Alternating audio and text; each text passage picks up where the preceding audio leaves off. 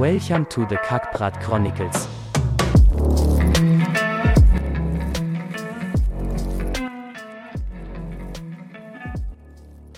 Uh, right, Mr. Zinon Lambrou.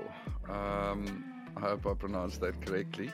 Welcome to the Kakbrat Chronicles. Thank you. Cheers. Cheers. Um, so yeah, I, I, you are obviously a very good friend of mine, but I got you specifically in today because you are a commercial diver. Uh, I don't know if you've been upgraded uh, since the last time we spoke, but as far as I've got it, you, you're a commercial diver, and I thought this will this will be an interesting episode because I think a lot of people actually know people who are commercial divers, and I don't think everyone really knows what you guys do. Um, it is it is we see the photos and we see the videos of Oaks fucking welding underwater and checking around pipes and whatnot, but um, I don't think a lot of people really know what you guys do. Um, before before we get to that, I just want to uh, ask you how's things there in in Pazuri uh, with your move to Greece and all of that. Um, you guys happy there? Yeah, it's too lucky here, bro. We can't complain. It's a bit of a change in pace, um, lifestyle wise. But yeah, we couldn't be happier over here. It's uh, village life. Suits us well.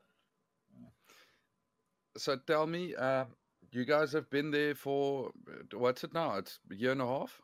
Yeah, just over a year now. We've been in Pissouri. Um, I came over to Cyprus end of 2020, and then Lisa followed shortly after that. Yeah, so we've been here since then. We came during the pandemic. uh, like a COVID vibes, and and um, you guys obviously you you know moved there, and then you guys a, a month or three ago you went to you went back to South Africa for a visit for Josh's wedding. Yes. Um, how was it? Because we now we're now looking to go for a visit next year back to SA. Um, how how how was it sort of going on holiday and being there for a week or two and then coming back? Um, do you guys miss do you guys miss South Africa or is it like a clean move where Look, to be completely honest with you, uh, it was a bit of an anticlimax for me. I don't know about Lisa because I kind of, I don't know if I built up an idea in my head of what it was going to be like when I got there. But when I got there, nothing had changed. You know, I didn't know what I was expecting, but it was the same. It was the same faces, the same people. I mean, obviously, went there for like a celebration. Went there for a wedding. Yeah, Um, so that set the tone for the trip, and you know, bachelors parties and you know, good times. Um, but the place, look, we miss it. It's home. South Africa will always be home for us. Um, but not a day goes by that I regret moving here. You know, it was the right move. Uh, it's uh, for me, especially, things became difficult um, towards the end of my offshore sort of stint in Angola because I'd leave, you know, the missus behind and then you're stressing the whole time while you're offshore. And there's nothing you can do. It's like it's going to take you a minimum of two days to get back if Yeah. something bad happens. So I had that weighing on me all the time. And ever since we're here, I don't have that stress. My shoulders can fall down. It's it's different. You know, it was a good move. I must say that's one of the biggest one of the biggest things for me as well. Moving here to the UK, um, I know everyone always talks about safety, and it sort of it gets a bit moog talking about it. But I mean, it is it is a bit it's a big thing um, if you if you move out of South Africa where it's a lot of stress, like you said, a lot of a lot of weight off your shoulders because you don't have to worry about locking doors and you can walk down the street and i mean we don't you, you yeah you don't literally don't even have to lock your car when you go in a shop you can leave the keys in the ignition Look, it's very lucky for us to talk about it from the other side of the ocean. But there's still a lot of O's Yeah. back there stuck that would like to go but can't, you know, because that green mamba is worth nothing or, you Yeah. know, it's quite expensive. Um, so, yeah, there's, look, you, I'm sure there's a lot of guys that, you know, come from this uh, I'm staying sort of hashtag situation that actually Yeah. don't want to stay, but they don't have a choice but to stay. Um, Yeah. we, we had the option out. Look, I had to pull some funny business to get here because um, obviously when we got here, it was during, well, no, it was at the end of lockdown. But for me, because I had a rotation uh, while everybody was at home, my rotation was interrupted because all the international flights were grounded, right? So then we had to, our company had to get a like special permission from the government to trans, um, like to do uh, transport during this period through provincial borders and stuff. Um, so we couldn't fly. We got in a car, all the divers missioned up to OR Tambo. It was like a ghost town. Never seen the airport like that. Got onto this little propeller plane and off to Angola we went. But now with all this uncertainty, you know, you're sitting offshore for a few months. We were out there. We did quarantines. It was sketchy. And then uh, at the end of the trip, I'd made the decision. Listen, I'm, I do not think I'm gonna do this. I was supposed to go back to SA, continue life as normal but I called the company, well, I emailed the company. I said, listen, you know, why don't you guys just um, fly me to Cyprus? It's quite uh, difficult to get flights out of South Africa now. And then fly me to and fro, no problems, because the companies don't mind flying you wherever, from mm. wherever to wherever. They said, yeah, no problems, Zinon. We'll, we'll do that. Sounds good to us. It's easier paperwork. I land here, send my resignation. Adios. Baie dankie vir die vliegtuigkaartjie. oh, well done.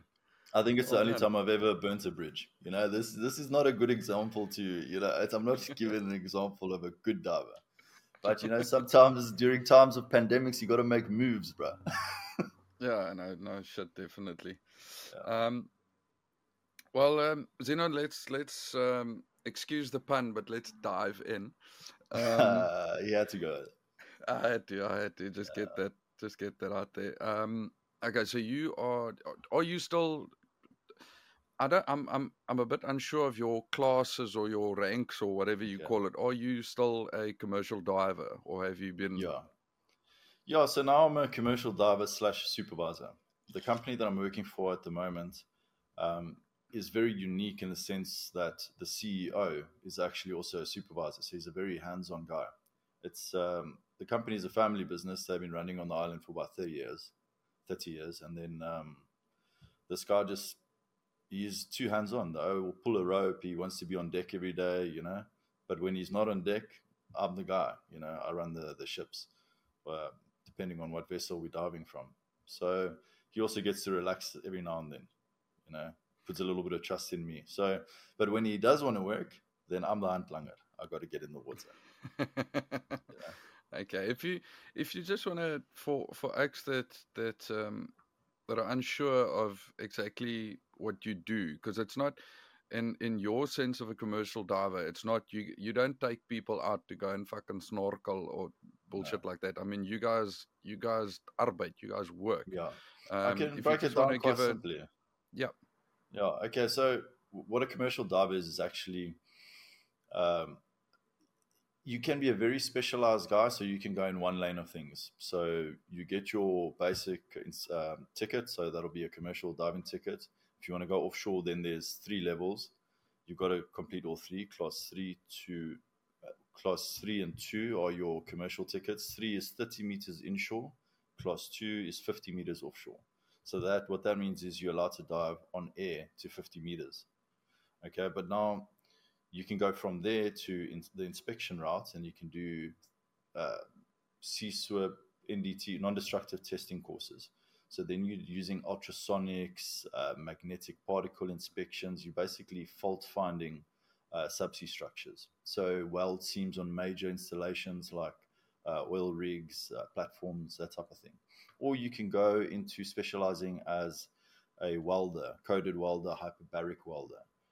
Um, there's a lot of avenues, but in essence, what a commercial diver is, or what I am, uh, is a jack of all trades. You need to be able to adapt to a situation. You need to, if there's if there hasn't been a tool designed for the for this job at, that you have in your hands, you've got to make a plan. It's basically uh, somebody that can work in high pressure situations, not just because you're in high pressure because of the water, but like literally you've got yeah. clients, you've got everybody breathing down your neck, and you are alone in the water.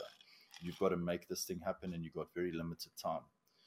So it's a high skilled oak in the water, basically. Okay, That's and then what it boils down to.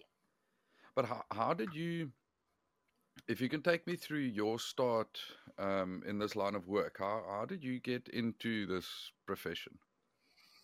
Um, well, diving, I've been diving since I was a kid. Um, when my dad owned a bar when I was, you know, my young teens in Cyprus, and uh, my uncle had a scuba diving shop. So you can only do your open water diving scuba duba course when you turn 12. So my birthday present was to do the course. But I'd been diving for like a year before that illegally because they would have me clean their equipment when they came back from dives, taking tourists out, and then they would take me with, you know. So my love for the water came from that, I think, you know. And every summer on the island, you're a beach baby, so you, you know, just live the dream on the island, and that's what actually gave me the passion for the water. But then, I, you know, I was confused, you know, as most guys are at uh, matric.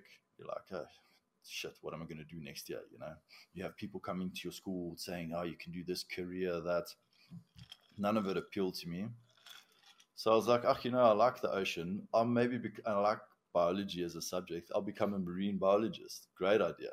Um, because my dad, you know, I was fortunate enough. My dad said, listen, what you want to do after school? And he was willing to help me with that. And he was, you know, quite accommodating. He said, uh, whatever you want to do, let's figure it out and we'll sort it out.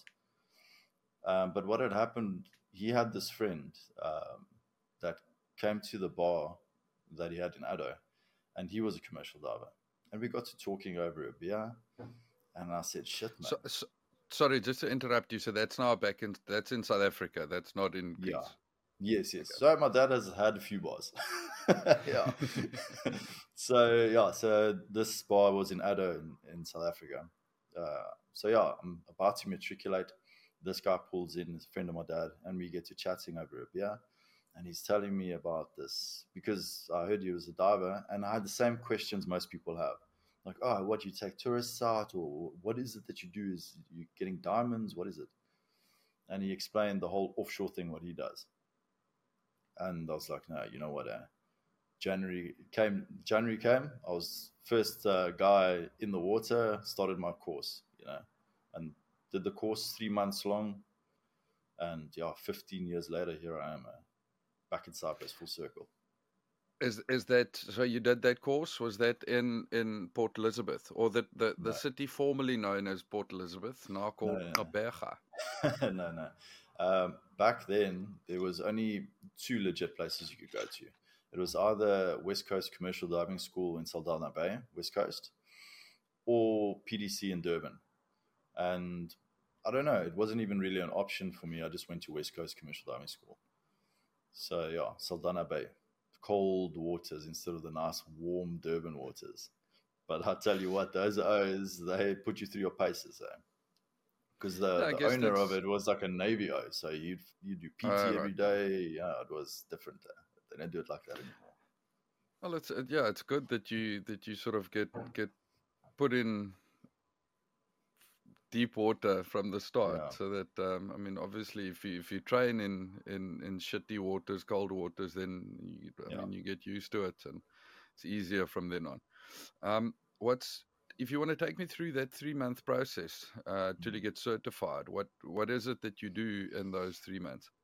Okay, so at first the guys want to see if you um, actually can swim, if you're fit enough to do it, you know, because uh, we have to do a, a diving medical every year to make sure that we're healthy and fit. So they've got to go do a, a diving medical by a diving doctor appointed by like a very specific, um, I don't know, organization.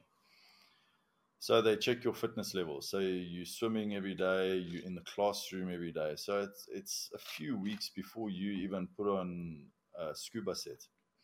So yeah, so the first few weeks theory training, then you do scuba.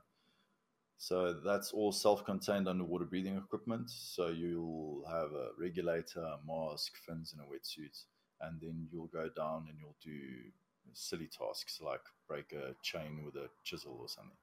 Um, and then you progress to band masks, which is a soft helmet. It's a neoprene full face uh, sort of mask slash helmet, and then you start putting on the full hard helmets. Um, so you'll progress from shallow dives, and they slowly stagger them so that your body can sort of build some sort of tolerance to the build of nitrogen in your system because you're doing a lot of diving. Yeah. Um, eventually, do your deep dives. We did it in a quarry in uh, what's that Blue Rock Quarry in Strand. Okay. Um, yeah, so yeah, you go quite deep, about 50 meters. You get nitrogen narcosis, which is lacquer. It's like being in a disco, you know. um, so yeah, it's fun times. It's serious stuff, but it's also a lot of fun. Um, okay, Zinon. So after this, after this three month training that you go through, you get certified, um, and then what? Then how do you? How do you? What, what was your first job, and how how do you actually look for jobs in this industry? Okay, so uh, that's it's pretty interesting because the the dive schools are obviously selling you a dream when you get there. They're like, "Hey, come, adventure, see the world, make lots of money." Meanwhile, it's not quite the case. You know, there's a lot of skral divers out there. So um, yeah, after dive school, it's a grind because now imagine you're in a class of 30 guys and the industry's so small, you all battling for that gap, somebody to give you a foot in the door. Um, yeah, so I sat at home. I went back to the farm, was in Addo for, I think it was five or six weeks, searching, emailing O's, phoning guys, phoning friends, trying to figure out, you know, because there's no roadmap for this. Nobody showed me. They said, okay, here's a few emails, but if you've got nothing on your CV, nobody's going to take you. You know, it's Yeah. very difficult. Uh, you know, it's one of those catch 22 situations. They want the experience, but they're not willing to give it to you. you know? Yeah. So, yeah, my first job wasn't, I don't know if I can even call it that. eh? I was sitting at home, and one of my buddies that I was in dive school with calls me. He's like, Hey, bro, I'm driving down from Cape Town. There's this oak in PE. He wants to clean a um, bulk carrier. He's, he's going to pay us X amount. It's a lot of money. Um, do you want me to put in a good word? I was like, yo, one way, bro. I was, let's do this. Um, it's only half an hour's drive. I'll be there just now. Anyways, long story short, I we uh, get to the PE harbor. There's this guy with Ian Oog with a paint compressor on the back of his bucky that's still got faff on it. He's got a tain slung connected to it, and then a man. mouthpiece connected to the tain slung. So I'm like, okay, Jeff, when's the, the diving company gonna arrive here? You know, because we told we taught in dive school safety, safety, safety, this way, that way. Okay, anyways, I get in uh, the water with a tain slung attached to my back, and he gives me a spade and he says, clean. So I'm here cleaning with a tain slung in my back. 300 meter vessel. We start cleaning. We only, to be realistic, I maybe did uh, 20 or 30 meters. But as you're getting further underneath the hull, it gets darker and darker, and it's your first time actually working. And it's not a situation that you know. I've- never used Yeah. equipment like this, not even in dive school, because it's not legal. So yeah, I'm canning myself, come out the water. This guy's doing all sorts of uh, weird things like putting a stone in a, another regulator, throwing it with a weight belt in the water, so that when his client comes, he says, "Yeah, look, I've got two divers in the water." you know, doing shit like this. So that was my first job working for this clown. Still haven't been paid for that job. Still waiting. Bloody hell. So you physically just scraped shit off the bottom of a boat. yeah, with a spade. Yeah. Was this was with um was this with Shawl? No, no, no, no, no. Shawl, Shawl only started diving maybe four or five years after that. Eh? Oh, okay. Yeah. Um so tell me obviously with a with a three months training that you guys do um which I feel is a very short it's a very short course for for for the stuff that you do um do you guys have to do like refreshers every year or courses every year to sort of Yeah, keep it's a non-stop monopoly for, for courses. Not the diving course itself. Diving course is lifelong. Um, but Okay. any other ticket you do after that needs has got like if you do a diver medic technician course, then it's three years. If you do um, inspection ticket, you've got to go every four years for a refresher. And we're talking big money. Yeah? I mean, the the schools are printing money. And what's funny to me is if at the beginning of each manual, there'll always have you like the story of the the company that's giving you the course, and it's always non-profit organization. And outside, you just see Bentleys and bloody Jaguars and stuff. It's it's a joke. It's a massive money making thing. And then um, you guys obviously, I mean, it's a it's a strenuous job. You guys physically fucking work hard. Um, how do you keep fit while doing this? Because obviously you can't be a fat fucking oak Yeah, trotting Um, around the water and getting out of breath. You you have to be fit to do this. Look, if you're doing your job right, you shouldn't need a gym membership. It's as Okay. simple as that. You know, it's it's hard hard graft. Um, if you see a fat O, it's he's probably just also a lazy O. You know, it's as simple as that. Um, but also these these guys don't really last um, because they get pushed out by somebody that's more skilled and more keen to do it. You know, uh, it's become a hell of a competitive industry now, and uh, divers are a dime a dozen. You know, you, we're very replaceable, bottom of the barrel. So yeah, you always want to edge on the O. So if you're not, if let's say you you're not really diving every day, you're not doing anything physical, you're doing just inspections, for example, then you'll go and hit a gym or go for a run. I haven't I haven't done that in a very long time. they keep If- us if- busy. When in in the times that you're not diving, or let me ask you this: uh, uh, What's the average time that you go underwater? Oh, that's so hard to say, eh?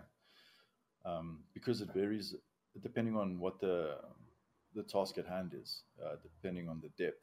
Um, depth is usually the determining factor. So, Okay. for example, today uh, we were cleaning the hull of a vessel. Um, I had a team of six divers there, um, and I was on the panel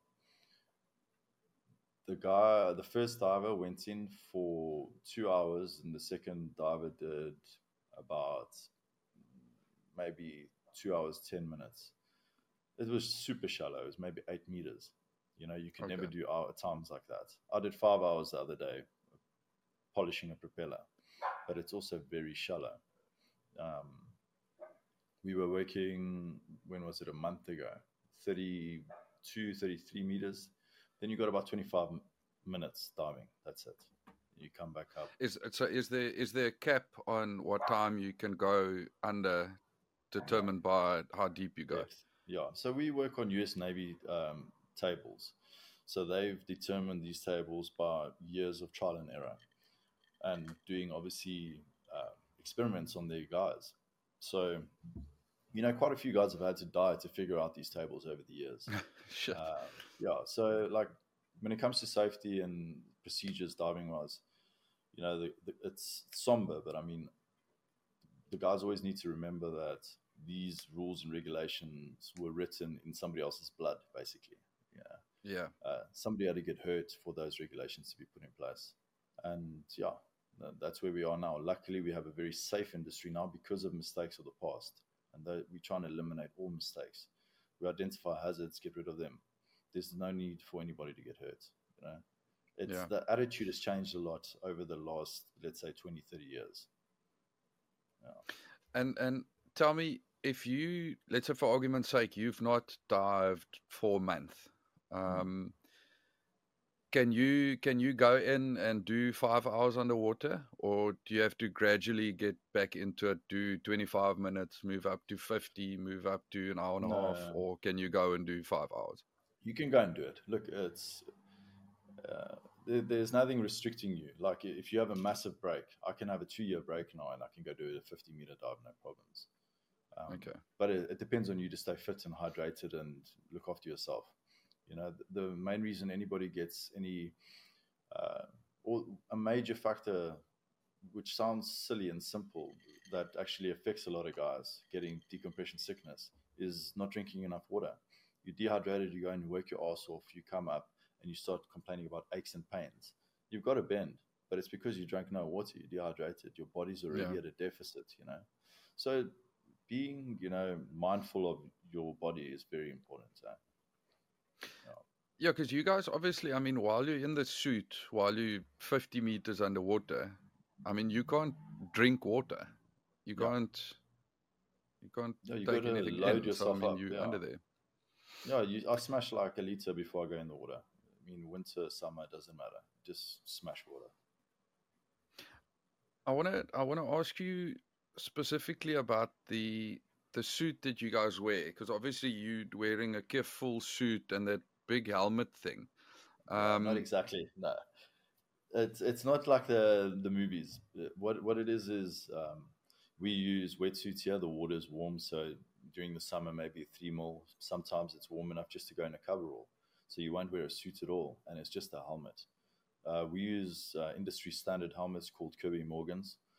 Um, they big, very impressive looking. You look like an astronaut type helmets uh, especially the one that we're using is the stainless steel version, so it's shiny as well, you know. Um, but yeah, it's uh, it's a serious piece of kit. Um, the helmet alone, uh, they weigh about 15 kilos each, and then that's Bloody without hell. any of the cameras, that's without uh, light, that's without the umbilical attached to it. So, look, in the end, you're looking at about 18, 19 kilos you got on your pip uh, before you hit the water. Oh, it's substantial. But then this thing, the one thing that I'm curious about is because I, I mean, I've never seen any of these things firsthand. What I see No. is in movies or the odd fucking YouTube video. Mm. Is this thing that you put over your head and then you can move your head inside of it, or is it like goggles on the inside that is fit snug on your head, and if you move, the whole helmet moves? Well, look, it depends on how big your head is. Eh? no, I'm kidding. It's uh, uh, no, you, you put you put it on, and if you look left, it should look left with you. Okay. you you know what I mean? It's uh, So, so yeah, but while you're on while you're on this dive, you don't have. I mean, oxygen is fed into this thing. You you don't No, have yeah, yeah. anything in your mouth to feed you oxygen. No. Okay, so so it's a sealed unit. Um, it's a complete closed enclosed helmet. You've got a visor, so your depth, your field of view is literally this. It's the same field of view as a mask, but inside your whole head is dry. Um, you've got Okay. communications in there, so you've got a speaker on each side. You've got a mic and a, a oral nasal, so it looks like a it looks like a, a gas mask on the inside. But you don't need that to breathe in. You need it to breathe out the CO two because it's got a mushroom valve on the inside, and the, the valve lets air in and only CO two out. Um, also inside, it's got a, a nose block, which is a little thing you can stick up against your nose to equalize. Because obviously, as you descend, you have to equalize your ears, and the only way to do that is push your nose closed. You know. Um, so yeah, it's it's very comfortable once you get used to it. It's not comfortable out of the water, but as soon as you're in the water, these things are built so well and well balanced that it's neutrally buoyant. It really feels like you've got nothing on your head, unless you're doing backflips and upside down work or anything in a strange angle. It can get uncomfortable. Yeah. Um, we'll get back to we'll get back to the diving, uh, in a in a in a minute, I want to ask you about your um your offshore work that you did um uh, in Angola. Mm. Um, what's your what's your normal workload in terms of time time on a rig or whatever time offshore versus time back Um, on solid ground? Yeah, look, the great thing about that gig was that it was constantly six weeks on, six weeks off. So I knew I had six weeks at home to do whatever I wanted, and six weeks I'd have to graft my ass off. And that was a, a good structure for me for a time.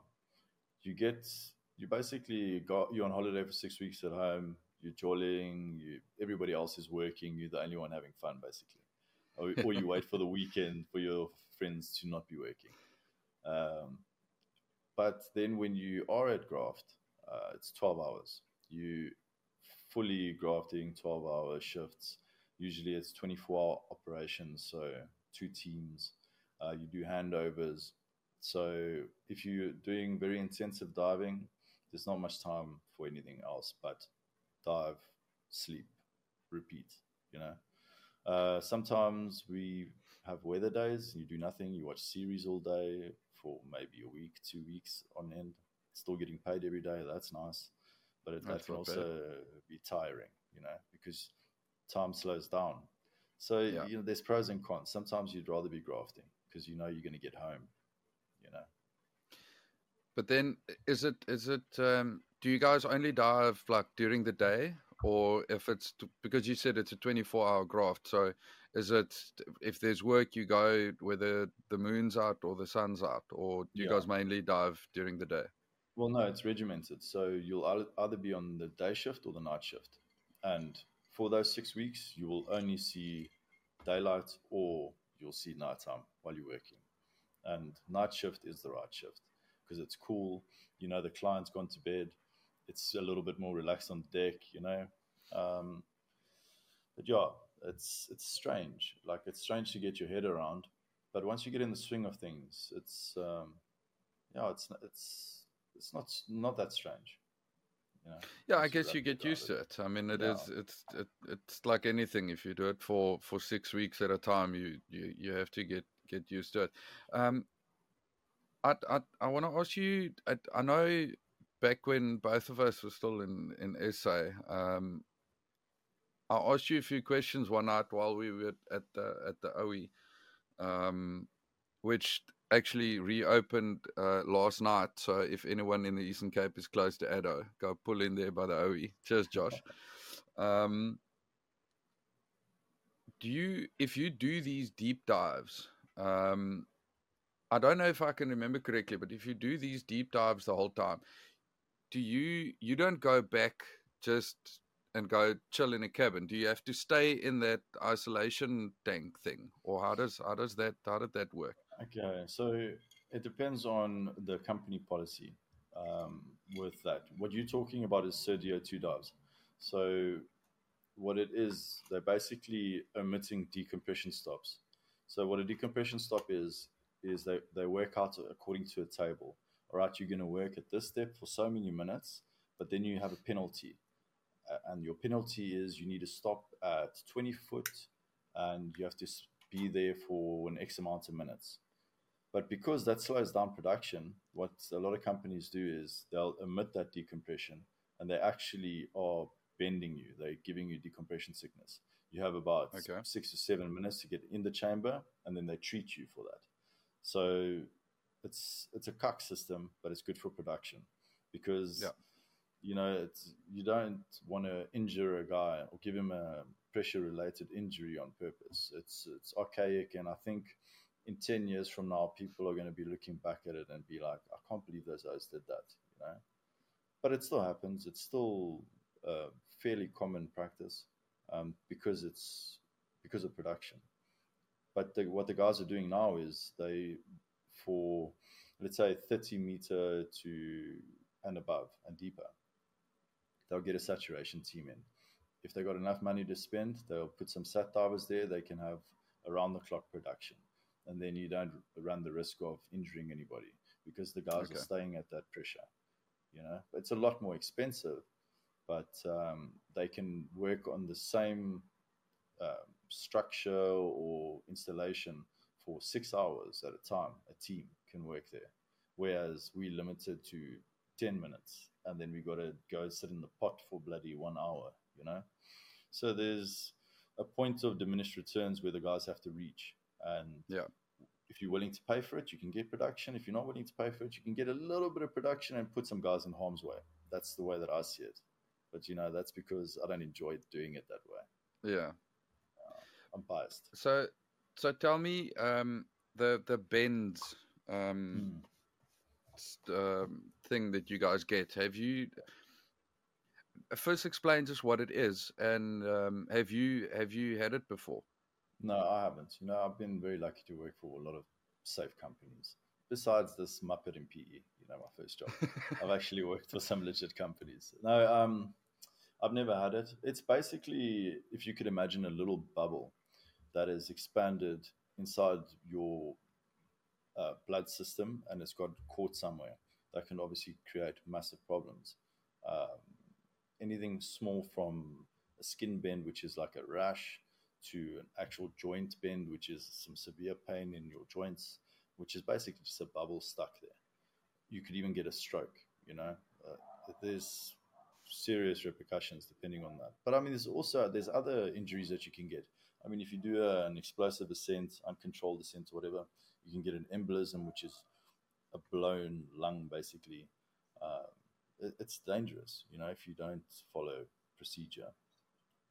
Um, I know, I know, know a few guys that have got it, and they've got severe ones. Like they've got a neurological, so that's spinal cord problems. You know, the doctor will put you out. You can't get a medical. You can't work basically. Um, but that comes down to either really shitty luck or a cuck supervisor. You know, the, the, there's no real reason to get bent nowadays.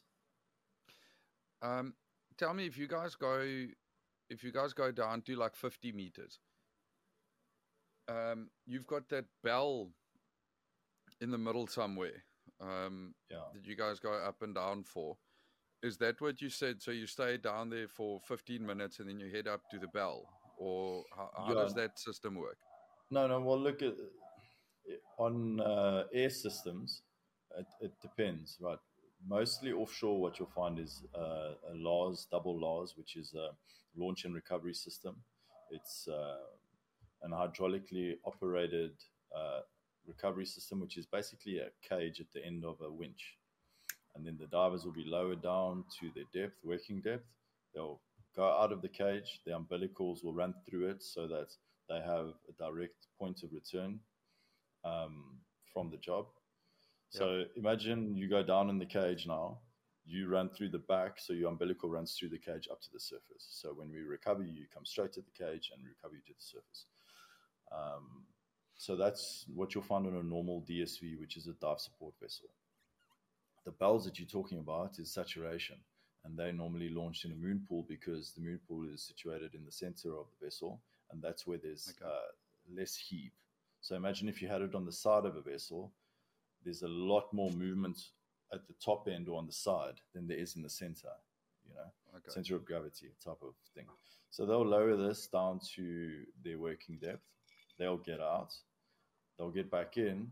That thing is uh, held at whatever their storage depth pressure is. And then they'll come up, that bell will come up all the way to the vessel, back onto the ship, in, and connect onto a big decompression chamber. They'll lock onto that, walk in, close it, and then they at their storage depth on Heliox, which is a helium oxygen mixture. They're basically saturating the entire body and their blood cells so that they can stay there for extended periods of time. Your look, I'm not a sat diver. I'm not the right guy to be talking about this stuff. I've got an, an understanding of it, but um, it's a different game. Those guys are basically as high as you can go in the industry.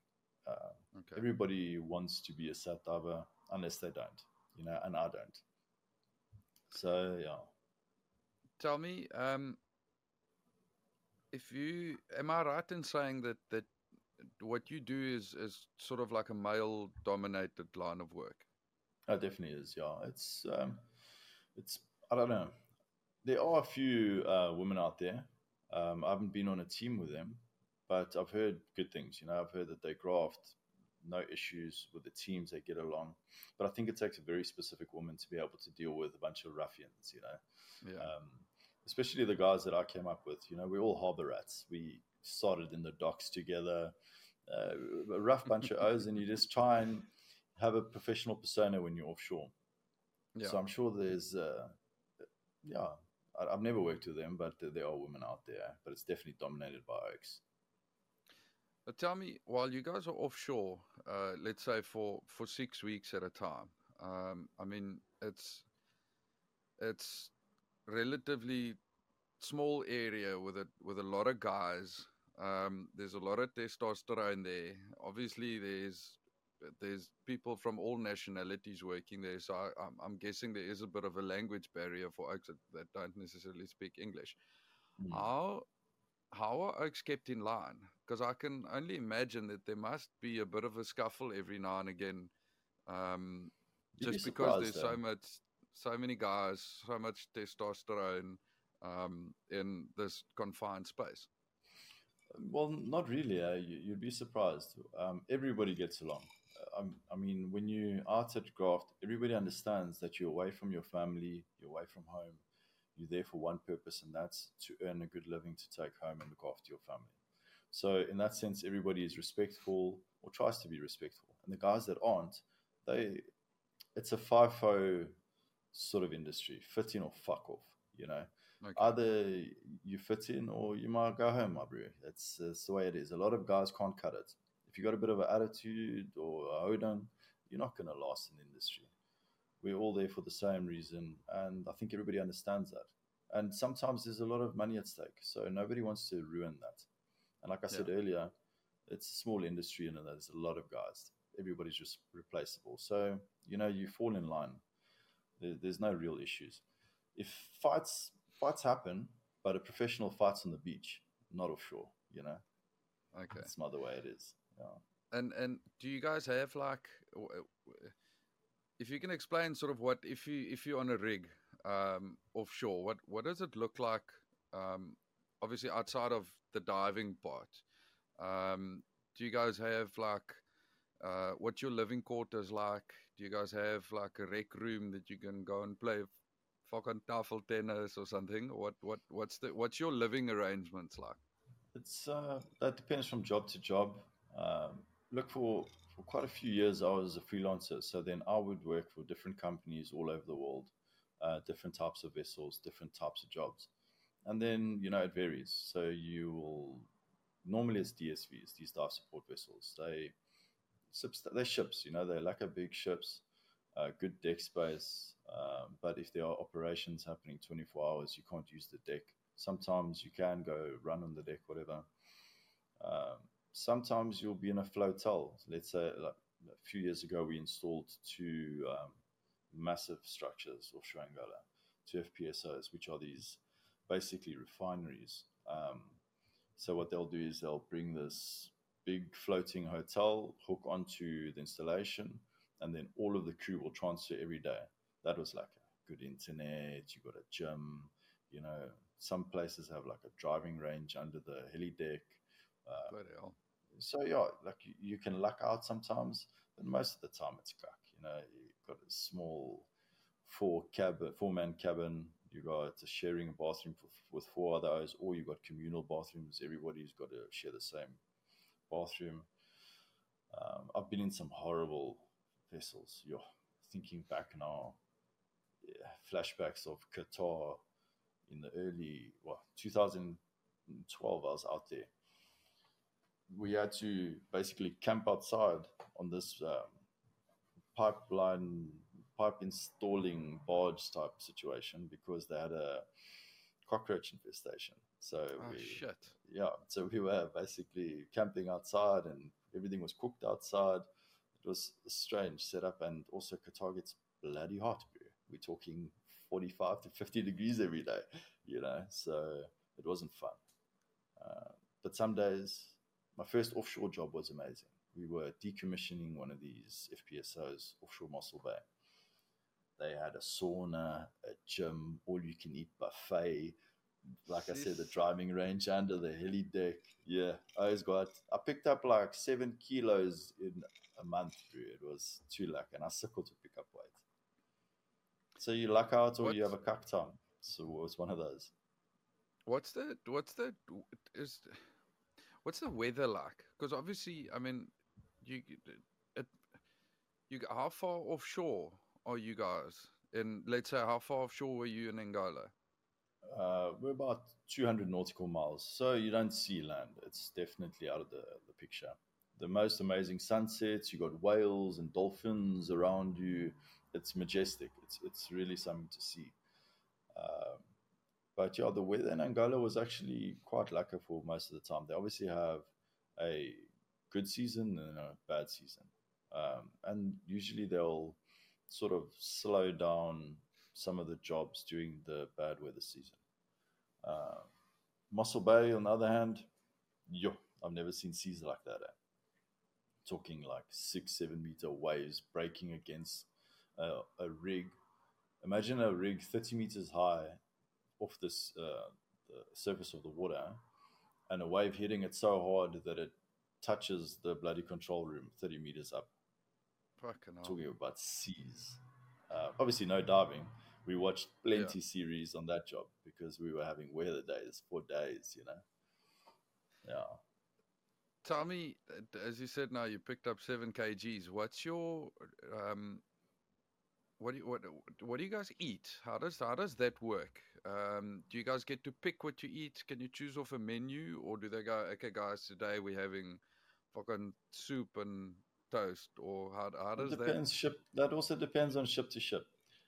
But look, one of the most important things that I learned offshore, or just in this industry, uh, is make friends with the chef immediately upon arrival on the vessel, go and shake the man's hand, be polite, and you will have a good trip. You know, a lot of us make the mistake and they have no manners and they have a cuck trip. You know. And um, in terms of dop, can you guys drink anything there or nothing? That, that, that's a negative. I've heard stories of the guys, you know, in Nigeria back in the day having a mega jaw, but that always ends in tears, you know, because like you said, you know, there's a lot of testosterone you don't want to mix booze with testosterone. You yeah. can only be professional to a certain level like, if there's brandy involved, you know. oh shit. Um, what's the what's the okay? Well, you said now depends on who that was a that was a lekker dop. Um, it depends on it. It's one of those drinks where it, it goes through you that first sip. Um, Listen, I don't even have wind chimes. I'm gonna have to make a plan here, bro. Okay, well, go go quickly. I, I need to take a piss, so I'm just gonna okay, mark this down as 40, 49 minutes. Then um, I'll quickly run and take a piss, and we'll we'll continue Resume now. Just now, lekker. All right. Fucking pouring down here on this side. Um, but uh, bro, I didn't even fucking answer your question. You asked me about food. Kif to make friends with the chef and all. But yeah, it's there's good food. Oh, yeah, sorry.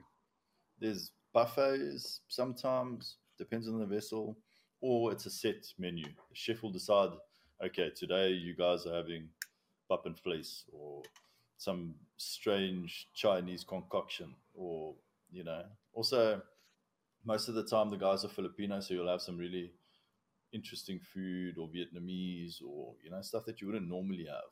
They'll do their traditional thing from their village which is pretty awesome. It's a cool way to experience this stuff because obviously everybody misses home, and their only way of expressing that is through their food, and it comes out really good most of the time. Sometimes you'll have the shits, but I mean, it's a risk I'm willing to take. is it? Um, what's the portions like? The portion size? Do you can you go with your plate and ask for some more, or do yeah, you yeah. get like that's what you get, or how does? Yeah, no. Most of the you times, can... you you can feel free to just go and get another eat until you can't anymore, basically. Um, okay. Because we burn through a lot of calories in the day, so they can't really skimp on the food. It's sometimes the quality shit. I mean, I've, been out on a job where they didn't have provisions. The provisions were late by like almost a month, and we were eating rice and tomato sauce for a while. People were very unhappy. Production went down. Everybody was ready to down tools. It was a massive crisis. Um, but also, there were many factors on that job. The client wasn't paying us, and it was uncomfortable. We were there for 90 plus days. Uh, one of those cuck jobs that you'll never forget. Yeah. What's your what's your you said you guys normally share like four oaks in a room. Um, is it at least proper beds or uh, you struggle to sleep in those six weeks? no, bunk beds, you know, and every now and then you'll hear some funny noises. You know, it's it's it is what it is, bro. Just might act like you can't hear shit and close your eyes and hope it stops soon. It's like um, yeah, yeah. No, you um, yeah, you, you you put some earphones in and watch the yeah. series, I guess. Just um, hum yourself to sleep. Mm. So now tell me, you, you said if you if you like while you're offshore, you get to see these amazing sunsets and whales and dolphins and dolphins and stuff. While you while you're busy with a dive, while you're underwater, do you guys? you- I mean, you must. There must be sharks and fucking bullshit swimming around 100%. there. Yeah, yeah, hundred percent. Look, Mossel Bay, one hundred percent. There are sharks there. We were out there for a long time, and we saw some buses. Bro. I'm talking about great whites that didn't make sense. You know, like, is it a whale? Is it a? Sh-? But they were they were whites. Luckily, the visibility was cock, so we couldn't confirm one hundred percent. Fucking But- luckily. Yeah, you know, Mossel Bay and False Bay are the only two places I've ever been in where I got an uneasy feeling that something's watching me. You know, you know, you get that feeling sometimes. Mm. Somebody's you, that that place, or it's, you know, you have this tingle running up the back of your spine, and it's. But the best thing to do is look forward and just swing your hammer or do whatever you're doing. You know, don't think about it. Do you guys have anything like a deterrent, like a little fucking thing that sends out vibes or? No, the Have gun show, any- Come on. no, no, no, it's uh, uh, no. Yeah, if if you, ah, cock joke. Look, there is no such thing. All right, um, but we've I've been on jobs where in Angola, especially, we have these greater hammerheads. They'll be around the job, the whole job, and you you see them every day. They become part of your dive, and it's majestic. It's really to see that thing in its natural habitat, uh, you feel the, the, the privilege of being there, you know. And it's not something that you're watching on National Geographic. Yeah. That's that that stuff doesn't seem real. It doesn't seem real when you're in the water, you know. It, I can't explain it. It's it's you're in such awe that fear isn't a, even a factor. It's it's special. Have you have you had have you had have you had any um, close encounters? No, look, I'm not a scientist, but my theory is because obviously we've got these umbilicals that are attached to us always from the surface. We have communications, we have lights, we have camera, so and and whatever tool we've got. So there's a lot of electrical current running through the water, and obviously sharks have these electroreceptors that must fuck with their chi a little bit, and they don't smoke to come too close. So I don't know of any reported incidents of a commercial diver being taken out by a shark. Scuba divers get taken out, but they don't have umbilicals. So Yeah. to me, that's the common denominator. You know, I want to I want to ask you about while while you guys are under uh, while you're doing these dives. Um, you've obviously got this fucking headgear on, this helmet on. What happens if fucking you get an eyelash in your eye, or you need to scratch your nose or something? well, shame toch. You're gonna have to persevere, bro. That's when it becomes a mental game. You know. But okay, so for argument's sake, if an eyelash goes in your eye and you can't, Well, I mean, it's scratching. Harden you up, Buttercup. what are you gonna do, bro? You know, it's I've, I've heard of guys having a cockroach in there or a fly, and now you got to must sit the whole either eat it or make a plan, my bro. You know. Yeah, no, it's um, yeah, it's not really a complaint that I hear very often, and if I did, I would punish him severely. And but what I mean by that is I'll give him a very cock job because it, it, it it's sort of like it is quite a macho environment. You know, nobody wants to look not, not I wouldn't say hard as the next guy, but like capable. You know, yeah. and I, I work with a lot of guys now, especially because we're doing a lot of shipping, civils, construction. It, it's basically gone back to my roots uh, that are breaking into the industry. And you know, you try and take it o- under your wing and be nicer to them than what you were sort of treated when you started.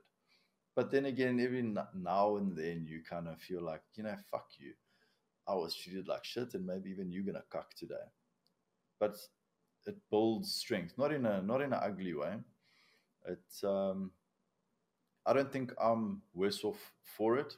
You know, if you know what I'm saying. Like I Yeah. had quite quite a cuck time coming up because I was always the youngest guy. Because I did it right after school, I was always the youngest oak in the team, and I was the coffee bitch, or you could never step right. These guys nowadays have got a lot easier, you know. They have rights and shit, which is Yeah. strange to me. Yeah. and feelings. I mean, come on, bro. you can't, you can't fucking eat eat the grits that's inside of that. Yeah, Hard enough. Yeah. Um, have you have you ever like you said, Nana? There's you get that feeling like something's watching you. Have you ever seen something that's that you can't explain, like a funny fucking, like a like what you think is a fucking not necessarily an alien, but a fucking funny thing that you think, oh shit, there's something's in here with me that, No, that I don't know. but what also is." we- we don't really dive at like extreme depths. So I think everything, all the depths that we dive at, has been the mostly explored ocean. Everything deeper than what we've done is unexplored. So nothing very strange. The only strange shit is, that has happened to me is like, you know, the first time I got narcosis, I sat there in the pitch black quarry by myself at the bottom of a rope, and I thought I saw. You remember those rope lights they had like in the 90s, all along railings and stuff. I thought that was around my visor, running around. And I was like, hey, this is actually quite a lacquer jaw. That was a strange experience. At first, I thought maybe it's a fish, but then I realized, no, no, I'm not. I'm really knocked. I'm high. yeah, So narcosis is a, a buildup of nitrogen in your bloodstream because the partial pressure changes the percentage at specific depths. So you get a higher amount of nitrogen in your bloodstream, and you literally have a, a bit of a jaw. Yeah. Um, other than that, strange things, not really. Eh? It, something that was strange to me, but might not sound very strange to you. We were working in a dam, I think it was in Queenstown or somewhere, and we were busy dredging. So we're basically lifting silt out with this massive pump, trying to find a inlet for this dam. And we made a massive hole. It must have been a 10 meter diameter because you've got to do it very gradual. Otherwise, if you do it steep and you're down there, it could collapse on you and you've got big Yeah. problems. So, anyways, we do this. And as you're doing it, we, we were cleaning, making the hole deeper. We couldn't get any deeper. You'd go down and you could maybe get a meter deeper, but nothing further. And then you'd pop up and bounce. What had happened was we'd figured this out later after the dive. Like the silt was so fine that it changed the consistency of the water and you, your buoyancy was affected because of it. So you'd swim down and not feel anything around you, but you pop up to this level like a, a cork, you know? Bloody That was sort of, that was a very, like, during, at that time, I couldn't understand what was going on. It was mind boggling. Also, you can't see shit. We're talking about zero visibility, the darkest place you've ever been in your life, where you can actually see more when your eyes are closed. You know, that type of place. How, how do you work in those conditions? I mean, how do you know what you're actually doing if you can't see shit? Your your hands, your fingers become your eyes. Uh, it's, it sounds funny, but it's legit. Like you have to feel around and trust that you're not gonna grab something that you shouldn't. You know, maybe a palang or something. I don't know.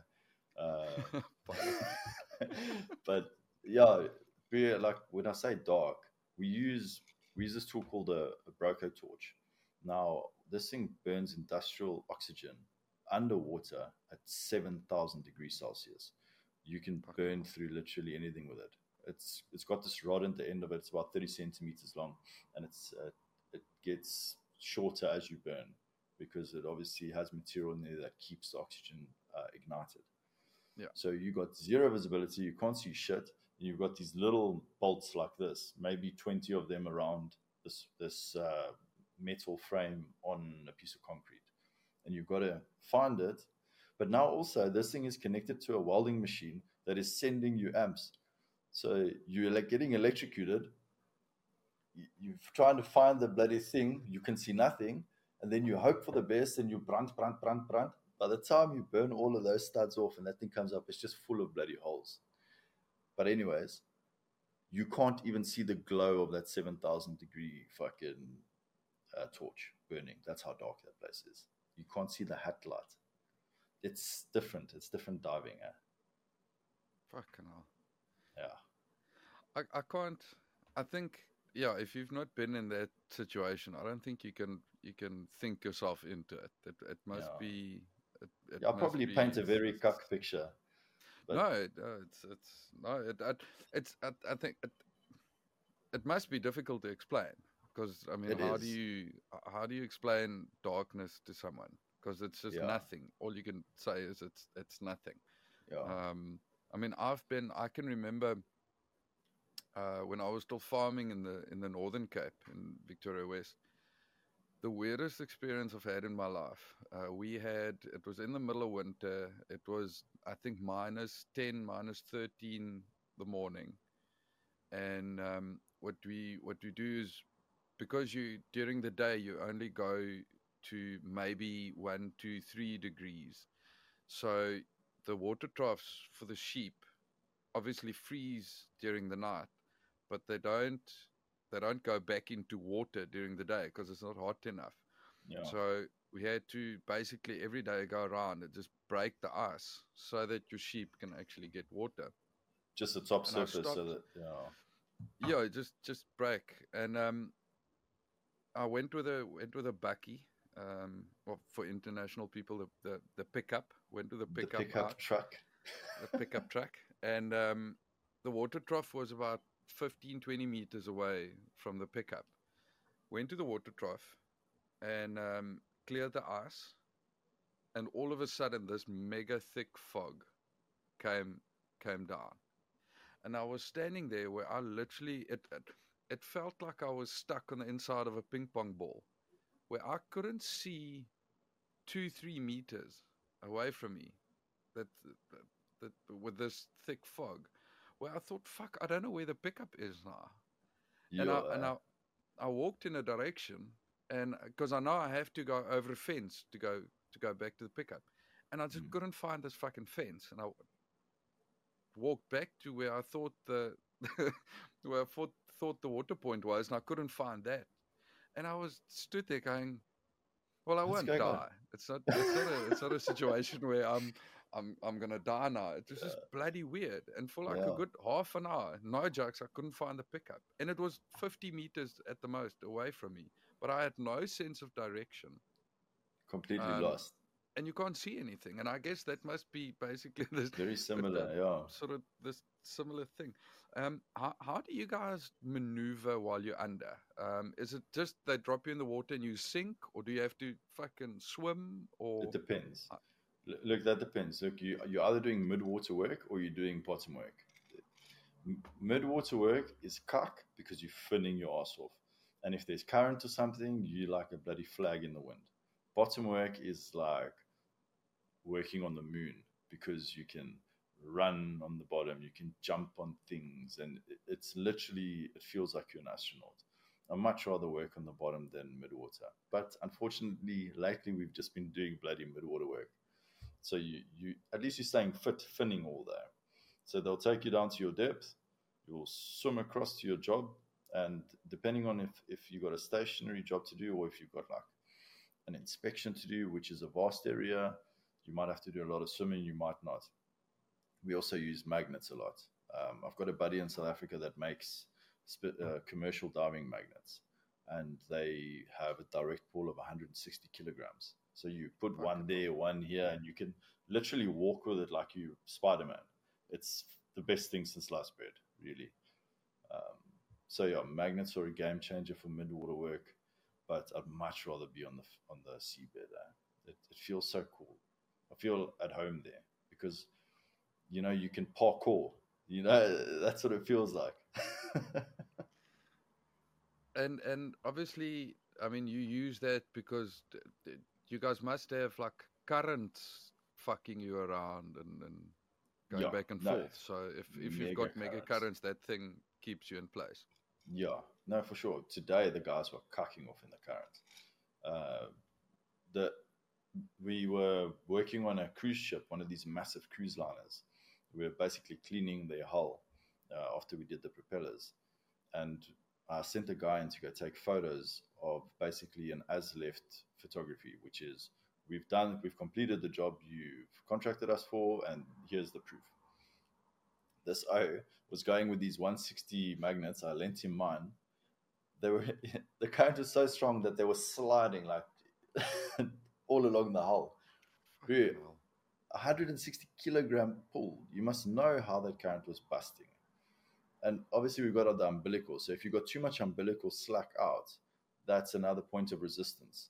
So you've got Yeah, to be in full with- communication with your team on the deck. You've got to say up on umbilical. You've got to make sure if you've got any sort of, let, let's say, hydraulic equipment in the water, you've got to make sure that the equipment's running correctly, correct pressures.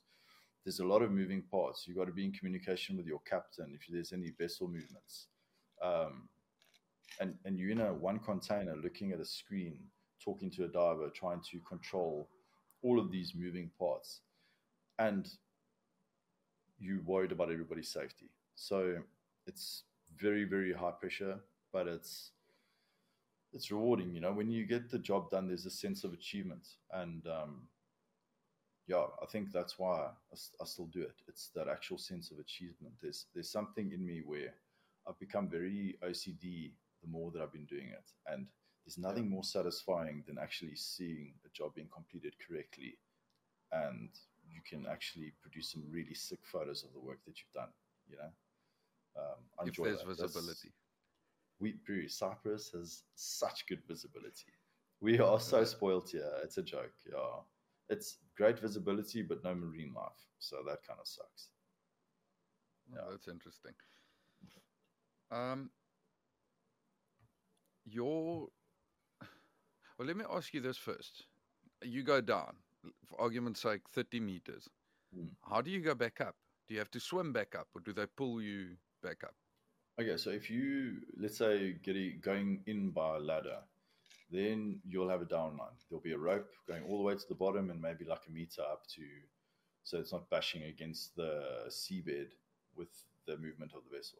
So you'll climb the down line at a very slow ascent rate, 30 foot per minute, and every diver has got his rhythm, his way of counting, or looking at his bubbles that knows that specific speed. Um, Okay. if you don't have to come up a downline, then we'll have the launch and recovery system, the LARS that I spoke about earlier, and that is Yeah. set to 30 foot per minute. It's the safest bet. Diver gets in the cage, you pull him up, you've got the cage wire marked exactly at 20 foot. If he needs to do any in water decompression, you stop him there. If you want to do in water oxygen decompression, you can switch over. It's a very controlled environment. Um, so I prefer working with the LARS. Sometimes if it's shallow work, let's say you're working on the side of a vessel, what's the point of using this massive hydraulic system to send a cage down if he's only swimming five meters? Sometimes it makes Yeah. sense to go through a moon pool or use a ladder. You just have to be logical also. You know, there's a lot of logic involved.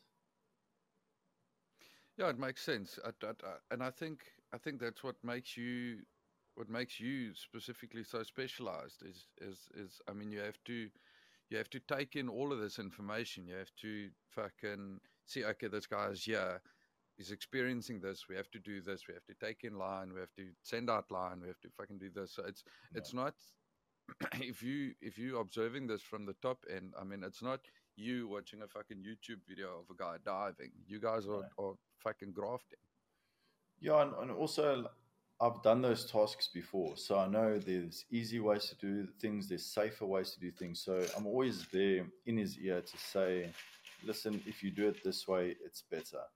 But also, while I'm talking to the diver, I'm also thinking about all the movements around me. I'm controlling my crew on the deck. Uh, I've got a standby diver ready to jump at all times. So I've got a fully dressed guy on the surface every time we dive. So if there's a diver in the water, there's a standby diver there. He's ready. Um, tenders, hydraulic tool operators, the captain. There's a lot of guys, a lot of moving parts. You know, So it's, it's interesting. If you if you obviously you guys use tools, you don't fucking loosen nuts with your hands. Um, how do you do you take? Have you got like a belt where you fit all these tools onto you when you go down, or is it a separate thing that goes down? How do you move tools back and forth? So that also depends on the, the job. Uh, we will, if we're doing mid-water work, we'll always put a whammy on it. A whammy is just a piece of rope. It's uh, Okay. tie rope, put a carabiner on it, clip it on your jacket. So if you've got a specific nut that needs to be removed, you'll have those spanners with you and maybe an adjustable, a shifting spanner with you. Um, if you've got hydraulics, we'll put floats every so many meters if it's um, a mid-water job because it takes the weight of the hydraulic hoses and it doesn't shoot all the way to the bottom. The diver will establish um, a job line to where the work needs to happen. I'm being very vague. Let's say, for example, there's a piece of pipe that needs to be cut off of a structure, and this is midwater. So the, the diver will go and you'll establish a line from our ship to that with a weak link. The weak link's in place. If there's an emergency, we throw loose. We can break that rope and we can sail away, and it doesn't Okay. damage the, the asset. Uh, the diver will establish that line. Then you will come back and fetch the hydraulics. The hydraulics will be hooked onto that line. So if anything happens, it's on the rope. Buoys will be placed every so many meters and it'll be floated so that there's not too much weight on the diver. And he has just this massive grinder with him or jackhammer or whatever it is. But for the, for the purpose of this, uh, a grinder, hydraulic grinder. You'll get it to the, the job. You'll set up always tell the guys listen, spend rather five ten minutes setting up rather than suckling for one hour because you're not set up Yeah. never i'm never in the business of rushing hours we, we do the job right and from start to finish. You do get guys that push push push and then nothing happens because it's too much of a rush. Anyways so then the o will go and he'll cut the pipe but before he finishes cutting the pipe or before he even starts it he'll secure that pipe to the rope. We always have a contingency plan. We never leave anything in the water. Um, Okay. yeah so it, it depends from job to job but we also work with so many different tools. We um, like i said cutters welding hydraulics yeah there's a vast there's, there's unlimited tools that we use Zinon, there's a there's a movie uh, that you put me on a while back. Uh, if I can remember correctly, it was called The Last Breath. Am I right? yeah yeah Um, so it's it's it's a movie that I guess should still be on on um, almost a Netflix. Spotify on Netflix. There we go. Thank you. Um, it should still be on Netflix, and I, I really urge people to go and fucking watch it because I think it's a good. You get the inside view of what what really happens when it goes bad. Um, Yeah, yeah, when it really goes wrong, and then. Um, I- I- I- you'll be able to explain this better than me if you want to just give people like a without without obviously spoiling what happens. Um, That's if you want to just give a walkthrough of, of, of the movie. yes you've, you've set quite a task uh, for me there without spoiling it um, it's in, in from my point of view it's basically very very well produced um, documentary about how one small cog can malfunction and have catastrophic consequences uh, and it's all related to saturation diving so not the air diving that we were talking about that I do, but Yep. the you know the the guys are actually living in a chamber for 28 days at a time. Um, all look if I do boil it down, it's imagine you lose your GPS connection while you are traveling between towns. The, in South Africa, the worst thing that could happen is maybe you end up in the wrong part of town and maybe you your car gets stolen. These guys lost GPS connection and somebody almost died. Um, so that's what it basically boils down to in like layman's terms. But hey, I would definitely go check it out. It's very well produced, and it's one of those things you know when you are in it in, in the profession, you look at things very critically. Um, and I must say, it's it's the only thing that I've actually watched where I don't cringe because so many things have been made uh, around the industry or diving specifically commercially that are cheesy and very far from the truth and glamorized. It's it's it's a very good watch. I'd recommend it to anyone. Yeah, I think definitely it, it it gives you it gives you a look sort of at, at what you guys really do. And what's Mm. nice about the film is it shows real life footage. It's not Yeah. it's not bullshit things that they shoot in a pool. I mean, they actually show the real footage, which Yeah. is nice. I mean, I watched that thing and my fucking hands were sweating. Um, I think at Chilling. some point you do at, at sort of like when when shit goes down and and the oaks talk about what happened afterwards and and I mean you you sit with a fucking tear in your eye because Yeah. it's it is it's it goes fucking catastrophically wrong. Yeah. Um, Look, aside from the fact that it's a good film, um, well, from my perspective, when when the incident actually happened, I was one of the first people to actually see the the real footage.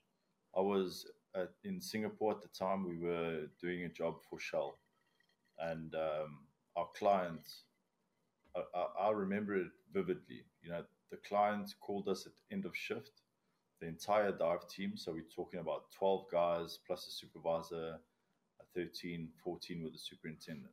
For called us into the conference room. We didn't know what was going on. We thought, shit. When the client calls into the conference room, normally it means, yes, we found somebody, another contractor that can do it cheaper, or you guys aren't performing well enough, or there's a big cuck out session that's about to happen. Yeah. But anyways, so you walk into the room in this sort of like dark mood. You're like, fuck, man, I've just worked 12 hours. Now, what does this O want? Because he's always the enemy, the client. Even though he's not, he's looking out for the company's best interest. Anyways, long um, story short, we sit down. He gets his laptop out and he starts playing this video. It was just sent to him by his colleague. And we all sit there and we watch the actual footage of the incident. And without going into too much detail, we left the, the room silent. Yeah. You know, I've never seen a group of such macho men walk up so quietly and skittishly out of a room. And, you know, it, you reevaluate some shit uh, when you see something like that because it can happen to any one of us. We can put all of the correct procedures in place. We can have, you know, paperwork coming out of our ears. But all it takes is one small piece of the, the machinery to, to fail, and you can have really bad uh, results. Um, so, yeah, everybody got a fright after that, and I can remember it so clearly. So, the movie had no effect on me at whatsoever because it's a Hollywood produced thing. It's very well produced and it's good for the layman. But somebody in the industry actually being like, I can play, place myself in a time and place when it happened. The incident happened. It had such an effect on me. That incident alone. that um, taking account what happened there, um, obviously you guys have a very strict fucking health and safety code while doing these dives, and there's. Do you guys have like a set list of stuff that you run through, like a checklist, like okay, this and this and this it needs to happen? I mean, if you, if you just want to run through that quickly, what's what's sort of the big, oh excuse me, what's the big stuff that you that you'd have to tick off before a guy goes in the water? Okay, so for any sort of basic operation, um, whether it be big or small, there, there are stock standard uh, procedures you need to follow. Um, these are kind of outlined by IMCA, which is sort of like a global body. It's the International uh, Marine Contractors Association. And they Yeah. set out guidelines of how things should be done. And they have like all of these different books. So they'll have the DO23, which is your basic diving setup uh, guidelines, and then you will have to adhere to them if you want to be part of the organization. So, for for example, uh, you have to have so many cubic meters of liters of air uh, per whatever. Th- There are very fine details that you've got to do.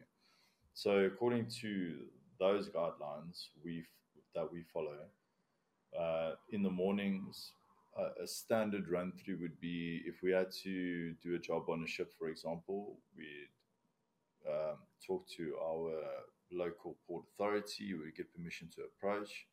We'd already organized the day before that we have permit from them to actually perform the works at this location. When we arrive, we will establish communication with the vessel's bridge. We will tie alongside most of the time. Then they will have their own permit to work system, which what that basically does is it eliminates any type of simultaneous operations that might conflict.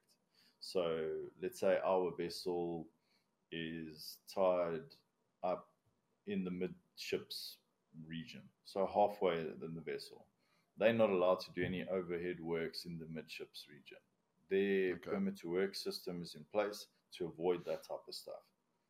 Um, then once we've signed their permits, we have our own range of paperwork to do. So we'll do isolations, which will be isolate our vessels um, machinery basically that works subsea. So sea chest, which are intakes for cooling, propellers will be locked out, tagged out. Uh, any moving parts subsea will be yeah. locked. So keys removed, locks put in place, and that paperwork will be transferred to the vessel we're working on. They will do the same. Until those two pieces of paper are signed, we can't do anything. Once that is complete, then we will do a toolbox talk. So I'll have a whole list of hazards that we've identified already before even getting to the job, which is another piece of paper called the HIRA. It's a hazard identification risk assessment document. It's basically a folder with all of the risks and it's categorized by color code. So basically, like a traffic light, it'll be amber, green, red. No operation in red. Amber, it's sort of like touch and go. Green is the golden zone where we want to be. We want to operate in the green parameters. So once HIRA, everybody's been through that and happy, we'll do the toolbox talk and I'll talk to the guys. I'll say, uh, basic fucking morning. How's everybody doing? Everybody feeling good? Cool. Your normal bands. And then we'll get down to business. And I'll tell everybody, okay, your task for today is this. You are the diver. You are the standby diver. You are in charge of handling umbilicals. You are in charge of the crane. You are in charge of uh, running hydraulics. The captain is in charge of uh, making sure that our 500 meter perimeter is uh, adhered to and communication is established with the bridge of the vessel we're working on. Once all of this is done, everybody knows their role. I'll say what the task is for the day. The diver will go and do this, and I'll tell him step by step. And if any moment I think that he's not understanding what I'm saying, I'll pause and I'll say, Listen, do you understand what I'm saying? Because my accent is apparently quite difficult to understand over here. I don't know. I'm trying to have like an international accent when I talk to the guys, and I've adjusted accordingly. And a lot of the guys, I can just rap. I can just talk to them, and I'm confident they understand yeah. me. But you know, I'm working with many ethnicities. I've got guys from Serbia, Italians. I've got Egyptians. Uh, Russians. I've got people from all over the place. So not everybody's the same. Not everybody's skill uh, level is the same. accents, accents, accents are difficult. Yeah. Yeah. So my accent's not going to change. Luckily, I'm in the position where these guys have to stop me and say, "Sorry, I didn't understand." Uh, I'd much rather you say, "Sorry, I didn't understand," and I can go over it slowly, yeah. rather than I get you in the water and you don't know what the fuck you're doing because yeah. you're wasting everybody's an entire team and an entire vessel's time. You know, it's not just and you're wasting money for sure. Okay, so I run through all of the hazards you know, and I say we, you can never really eliminate all hazards when you're having these talks because you never know something unforeseen might come up. So you try and eliminate that as, as best as you can, but you also adapt once in the water. You know, yeah, it's a major it's a major benefit having a guy inside the water that you can rely on, and you know that if shit hits the fan, he's not going to panic. He's not going to make you feel panicked. You know, if the guy in the water is calm, everything is going to be okay. Yeah. You know, he, you know, and that's the most important thing. If you if you panic, it's over. Uh, your battle is lost. You know, pull him up, fucking hope for the best. So we you guys- eliminate that. Sorry, just to interrupt you there. Do you guys ever sit with? Um, I mean, obviously, this might be more with inexperienced divers, but Hmm. um, do you ever sit with oak that has a fucking panic attack at 50 meters below? Um, no. Or We would never put put that guy. Look, these guys are vetted. So w- when we have we go through CVs and there, there's a vetting process before they even reach us. So we'll never have a brand new guy, which speaks to what I was saying earlier when I was looking for a job. we are- yeah. That that is we are one of those companies.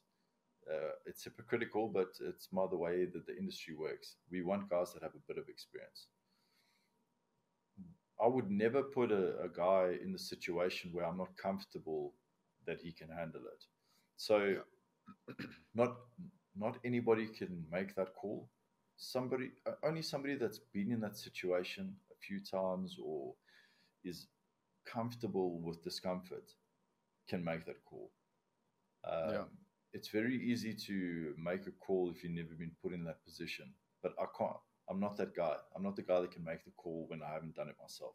Yeah. So luckily, everything that we're doing now, I've done at some point, or I've done it many times. I'm in a very fortunate position that just my career path has brought me back to my roots, but also now I'm very confident that I can help guys, and also if I need to go in the water. Look, I'm definitely I am the lead diver when the, the boss is in town, and when he's not in town, I'm the supervisor for a reason and Yeah. um, so far so good. You know, the guys are leaving. Some days they'll come out the water and they'll be upset and a little bit dipped back, but shame toch. The next day they'll come to me like, "Oh shit, we understand. I understand actually what you were talking about now. Now that it's never personal. It's just I'm, I'm put, my job is to push you. My job is to make sure that you perform. We have deadlines. We have production limits. And if I tell you that I could do that in my underpants, trust me that I can do it in my underpants Yeah. and stop complaining. You know, it's just part of my job. You know, it's you know, unless you've been on it. I would love to actually get you on a vessel to come and see what the, the, the situation's actually like because it's We- um, different. We can definitely plan something. I, I'm, I'm, I'm fucking keen. We, we are obviously, like I said, we, we, we saving up for a trip to South Africa next year, which is Yeah. a shitload of money, as you know. Yeah. Um, but I mean, for us to take a flight to to Greece is seen as a fucking local. What do you call it? Yeah, it's A- a domestic. local flight, domestic flight. So it's Yeah. like fucking few a few pounds, and we there. So we can definitely organize something, and we can even see if we can do a fucking live podcast from there. yes, Um, I was going to don't if- recommend that. I was like, yeah, we must do an in-person podcast. It's like 24 euros for a flight over there, man. Come on. Yeah, we can sort something out. I don't know if Yeah. I'll go in the water with sharks, dude. I'm fucking. I'm. I'm. You must remember where I come from. I grew up in the middle of the Karoo in South Africa, which is like the most central part of South Africa. There is no fucking water there. Never mind the water scarcity that's happening now in South Africa. There is no water there. There's no fucking. I think the the. I don't think I've ever been deeper than like a fucking dam or swimming pool. I don't. So it's I- safe to I've, say you've never seen a shark. I've seen a shark once in in Jeffreys, um, where I went in. Maybe I went in the water, maybe up to my knees, and as the fucking wave came over, I just saw this fucking crits there. It's probably a dolphin, And- man. I don't Listen, know. The, I man in me would also say I- it was a shark. I don't Definitely not a it dolphin. is. It looked like a shark. For me, it looked like a shark. It didn't have that fucking fucking dolphin look. Yeah. It looked yeah, like a fucking shark. I, mu- I must, was- I, must take my- your Karoo expert opinion and say that was definitely a shark then. the the thing that makes me feel better about telling the story is I was not the only person that saw it. there was about five, six, seven other people that immediately fucking turned around and went out the water. From the group. um, Was it a Karoo no, it trip? don't, it was not a, it was not a group trip. No, um, I don't know. I think it's it's with a lot of the stuff that we're talking about today. It is it's it's stuff that you don't know if you're on the outside of this fucking club. You don't know how to deal with anything in terms of what you guys do. Um, Yeah. I mean, I've I've been put on just like what I do with the farming situation. I mean, I've been I've been working with with bulls with meat fucking cattle for the last 10 15 years. I know I know my way around a bull that weighs between 800 kilograms and a ton. Um, where a oak standing on the outside of a kraal might be thinking this oak is fucking stupid standing in a seven by seven meter kraal with an animal that weighs a ton. Almost a ton, yeah. But I know how to handle that. I know how to work with that animal, and I think it sort of it's obviously not the same thing. A shark is fucking gonna eat you, and it's I, I might Look, just lose a rib you- or something. there's but- probably a higher level of danger with with uh, working with cattle, I would say, than what we do. The only the only reason I can say that with confidence is because of all of the parameters that we have in place. You know, um, I don't know what parameters you have in place working with cattle, but I can tell you we have enough. I've got to fucking fill in a full A4 page to use Vaseline on a fucking component. You know, for a si- silly example, I need a permit to use silicone grease on a fucking O-ring. So the, the admin on your side must be fucking it's horrific. too much. It's it's too much, but also it's for a reason, and I get it. Yeah. like I, I don't. I'm never disgruntled by it. You know, it, frustrates me sometimes. You just want to get the fucking job done. You know, the grafter in you just wants to say, "Hey, bro, just it's just." But you've got to remember, those procedures are there for a reason. You know, that's uh, Yeah, it- As you said earlier, I mean, these things are set in place because people died. Um, Yeah, it's not. it's It's, not just for gears that people that people make rules. It's because something horrific happened, and then they decided, well, let's just fucking not do that again. Let's let's put this little piece of print on a paper and let- someone go through this and make sure this little valve is open and go Yes. through that because Exactly. something might go wrong. Um, yeah. to to to move away from horrific instances. Um, um, I wanna I wanna ask you more sort of like the psychological side of what you do. You guys are you guys are offshore for for quite some time. Um, you grafting fucking like you said, twelve hour shifts. Uh, you away from friends and loved ones Mm. and I mean, if you if you're doing a five hour dive, for argument's sake, um, I mean, you are stuck underneath fifty meters of water. You're on your own. You can just talk to someone through a fucking microphone, um, and like we discussed earlier, I mean, if you if you have an eyelash fucking stuck in your eye, you can't do anything about it. You have to fucking graft. Trust me, that's the least of your worries. This eyelash thing is not a worry, bro. for me that feels like a mega thing but um there must i mean obviously there's a hell of a psychological side to what you do. Sorry i need a cough button. Um there's obviously a hell of a psychological side to this. What what do you personally do to to keep your mind fit to make sure that you concentrate on what you're doing and and not fucking wander off? Um yeah. Um, this it's is a very broad question sorry Yeah, uh, look, I, I hear what you're saying. It's it's very different. My mindset now is very different to what it was offshore, because offshore I was uh, a very general cog in a very vast machine. Now I'm the role is a little bit more important. So now I take things a lot more serious than I would back then because I had a team to fall back on. Now I kind of have to depend on my team. Yeah. If you if you know what I'm saying. So I don't I don't know how to put this. It's it's been an evolving thing. You know, in the beginning when I when I started, let's say, going offshore, I was excited, I was nervous, I didn't really know what was going on. But as the time, you know, ran on, I started getting less excited, uh, more anxious about being away from home. Um, it, it, sort of started, it, it, took like a little bit of a negative turn. Like I became very introverted, you know, just before I'd go offshore. Uh, I'd like close down, clam up, and then uh, also my reintroduction to society was also very slow. It took me about a week before I could feel myself again because I'm getting outside of the mindset of professionalism and into the mindset of social interactions and stuff. Uh, going into a mall was difficult when I was working offshore. Now I don't have those issues. So these are two very different things. Um, so yeah, it's, it's difficult for me to quantify my mental game because I've, I've, I've, had to battle two very different sort of battles: the offshore game and then what I'm doing now. Now I'm very me, OCD. Me... Back then, me, I was. Yeah. Sorry.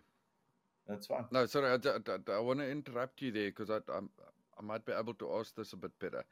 Um, yeah. while while you were still in Addo, yeah, I know there was about a, a, a year basically that you didn't that you didn't work. Hmm. Um, mm. I think it was about a year. Yeah, it's very close to it. Yeah. Yeah. How difficult was your transition going from from being offshore into taking a year off and oh, then going from taking a year off back into grafting where you've got the set schedule? It sounds it sounds counterintuitive but uh, take going from offshore to a year off was depressing and then going back to offshore was exciting not only because of the because I needed the money or you know it was because I craved the structure because you know what my you, you know what my year off looked like. I was in the pub yeah. every day. I was eating pizzas. I was waking up when I wanted to. It, like, my life was good. You know what I mean? Even though I wasn't working, it was my fun. life was very fun. But I craved that structure, and I know six o'clock breakfast time, six thirty on deck, seven o'clock toolbox talk. From seven till seven, I'm di- we are diving operations work. Eight o'clock, you have enough time to shower and get down to the mess. Start eating. Eat, read a book or meditate, go gym or whatever. Go sleep. Do the same thing the next day. That structure is essential for a O that has no structure when he's at home, or for me at least. Yeah. I mean, I, you you were asking me about uh, fitness and this and that. I joked about it, but um, to be honest, I only ever gymmed when I was offshore because this also ties into the mental game. It it was an outlet for that energy, any type of frustration, you know, also if you're doing it with a, teammate, it's you know it builds a bit of camaraderie. So it's a great thing to have. Eh? I must say, for me, I mean, I'm as I said, I mean, I'm in I'm in farming and agriculture, and I'm also, I mean, at this point, I'm working on a, a dairy farm where I mean, one week I'm basically working from half past three in the morning till four in the afternoon. And then one week I'm doing seven to seven. Um,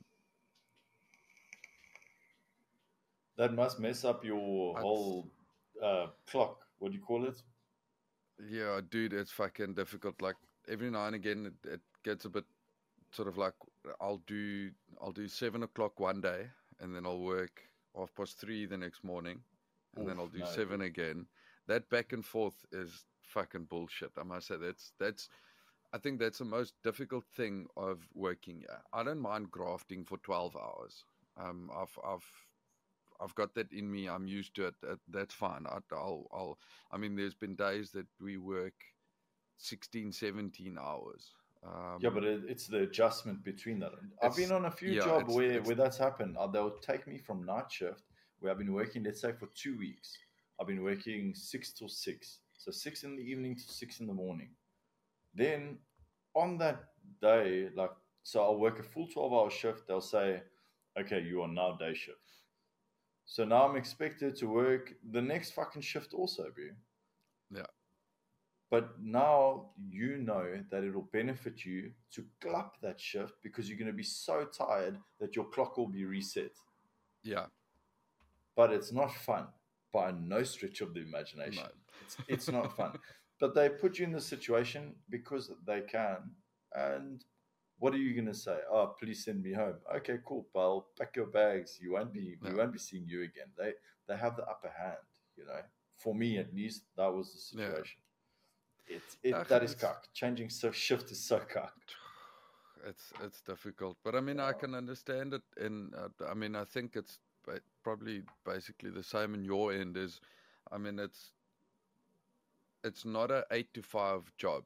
It's not we not we're not chartered accountants where Yeah. you go in and you go do books and you go home. It's It's, an ever changing system. It's it's Um, really funny that you say that. Sorry to interrupt. No, But literally, I'm now in the uh, sort of like nine to five situation of what commercial diving is, because I'll drive through in the morning and I'll start my my shift at seven, and normally if we have diving ops or not, four o'clock is my clock off time. Anything after that's overtime.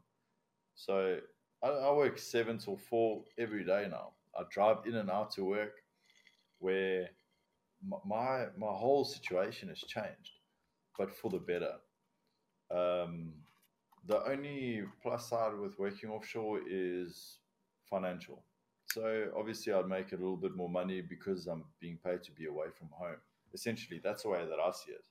I'm getting Yeah. paid more because I'm not at home. Now I get to shit in my own toilet, sleep in my own bed, you know, kiss my wife goodnight every night. Uh, I cannot complain. So 95 for now for me is great, unless somebody comes with a very lucrative offer. There's no way that I'm I'm leaving my position now. I'm I'm really in a lack of position. I want to ask you something funny now. Um, and this is, I'm not asking this, for, I mean, it's a funny question, but I, I'm not asking this to dig sort of, it's just a weird question that I think Mhm. might be interesting for for people to get an inside look at what you do. Was there a a a failure that you had, um, something mega that happened that changed what you do. Um, I don't know if I'm if I'm if you're picking up what I'm putting down, but was there was there something that went wrong in in your in your past 10 15 years like you said that that made a mega difference in in what you do now Look, many things have gone wrong. I mean, you, you, you can never really plan for everything. And I, I feel like there hasn't been a single thing that's affected me in a profound way, but there there have been. There's been like I don't know, but it's strange. I'll go through like a period of one or two, maybe three years where nothing out of the ordinary happens. Everything goes to plan and everything is all well. And then I'll have a shit streak. There'll be I'll be on two, three jobs where somebody will almost lose a finger or this O will get degloved or uh, serious injuries will happen. And I've become superstitious because of this. You know, Mm. any little thing that I, I pick up on small things that maybe somebody else did or I did during that trip that was maybe unlucky.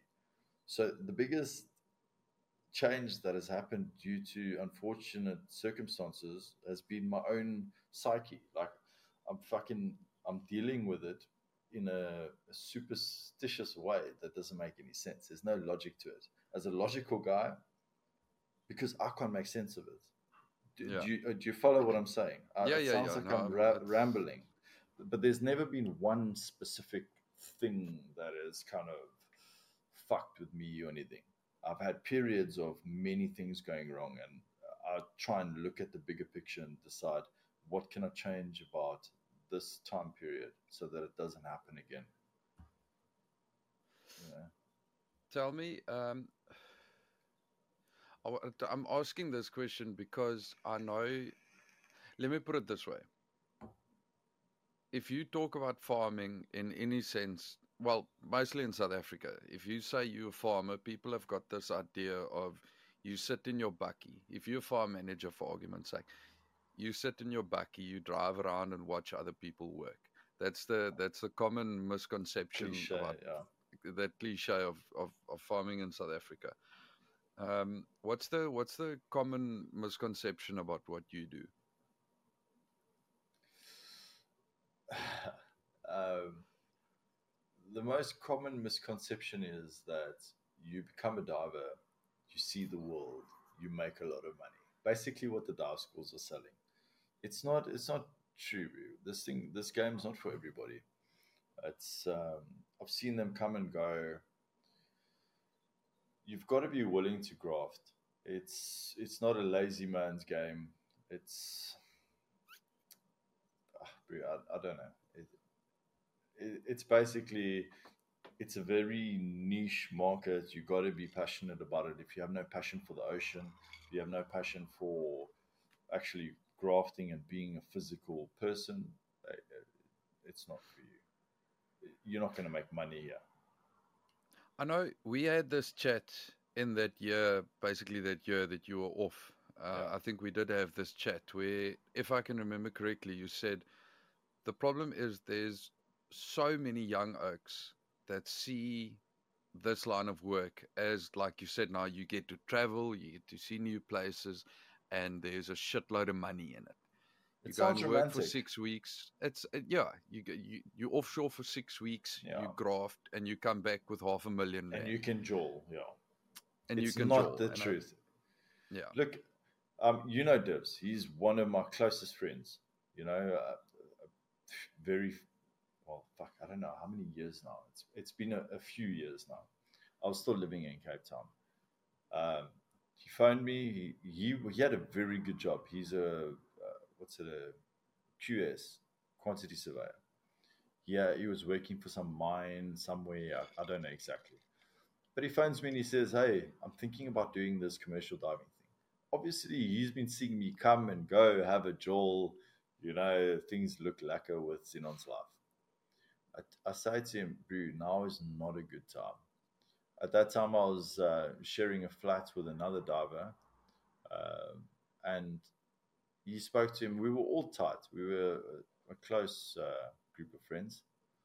I said to him, whatever you do, don't do the course. I promise you, it's don't become a diver. We're all circling to find work. It's not as kiff as it sounds. Whatever. Yeah, he went and he did it anyway. The man went and he grafted in PE Harbor for a few months, and he went back to his job.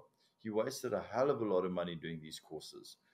That he already had experience. He's, he he had a hell of a CV behind him, and now he's basically a bloody CEO of a company. You know um, sometimes don't second guess. Don't think the grass is greener on the other side. Stick Yeah. to stick to your shit. You know, it's it's it's not for everybody. And if somebody that you trust and you love, like a close friend, tells you don't fucking do it, listen to him. It's important, you know, because if you're a true friend, a true friend will tell you don't do that. A buddy will tell you, fuck, go for it, bro. You know, that's what it comes down to. I think that's that's yeah. I think especially because you are, I mean, you are fully inside of this fucking line of work. You can see what's going on.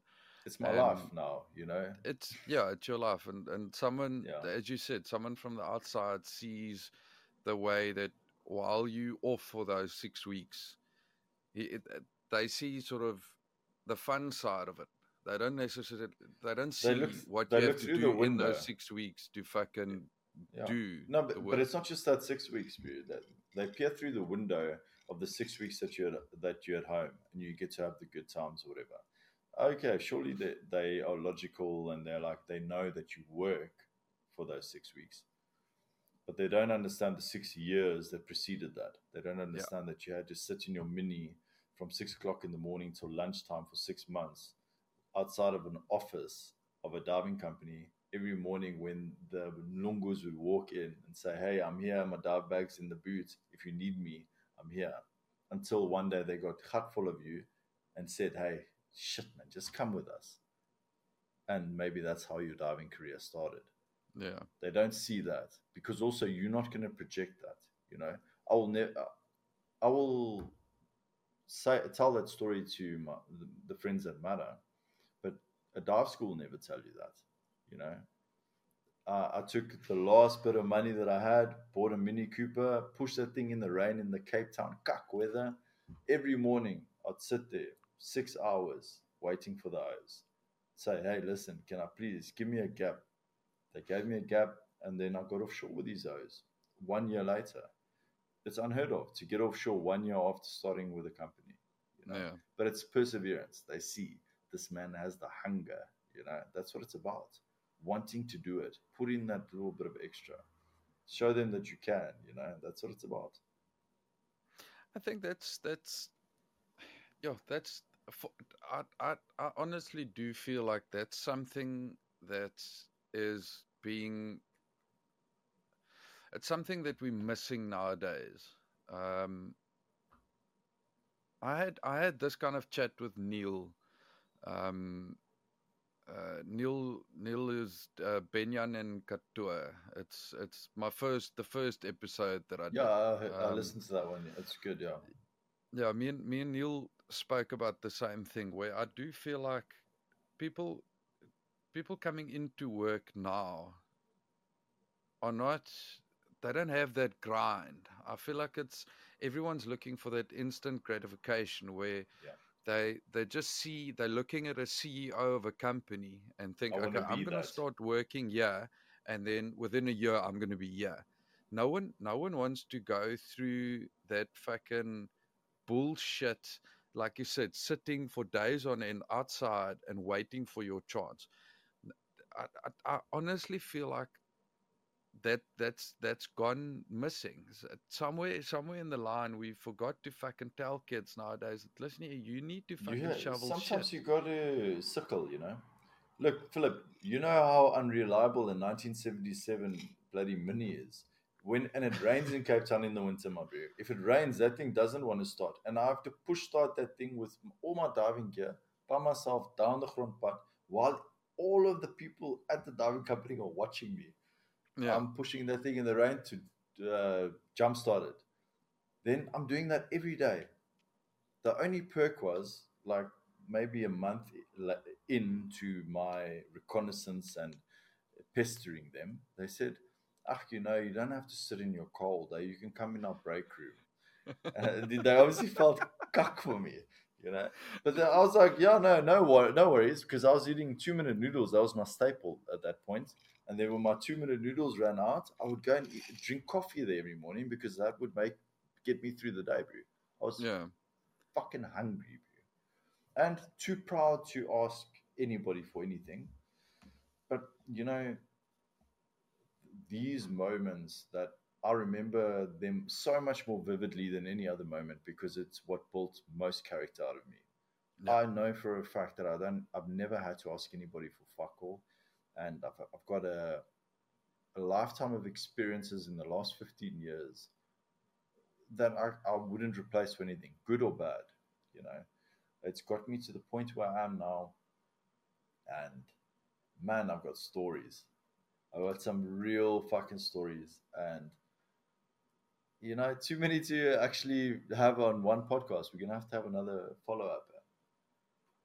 Just well, give us give, give us give us one one that you. I know we we spoke earlier about um, uh, uh, a job that you did involving a chopper that went down that we can't talk about. Um, because it's, it's obviously the case is still ongoing. But it, it give us give us a nice gift little story. Mm, yeah, look, I can I can tell you a little bit about that. Um, that job is still ongoing. Even a few. Okay, so the basis of it is uh, a few helicopters went down in Angola a few years back, and then after that, what happened was all off, offshore transfers were basically cancelled indefinitely. This is huge because if you can imagine, you got to do crew changes on these vessels that are miles and miles out at sea, and you're cutting a half an hour trip to a two day trip sometimes, you know. Yeah. So now, because now they've got to do it by boat. So it was pretty important for us to go and figure out why the helicopter went down or whatever. So helicopter went down. We went and did a search and recovery operation.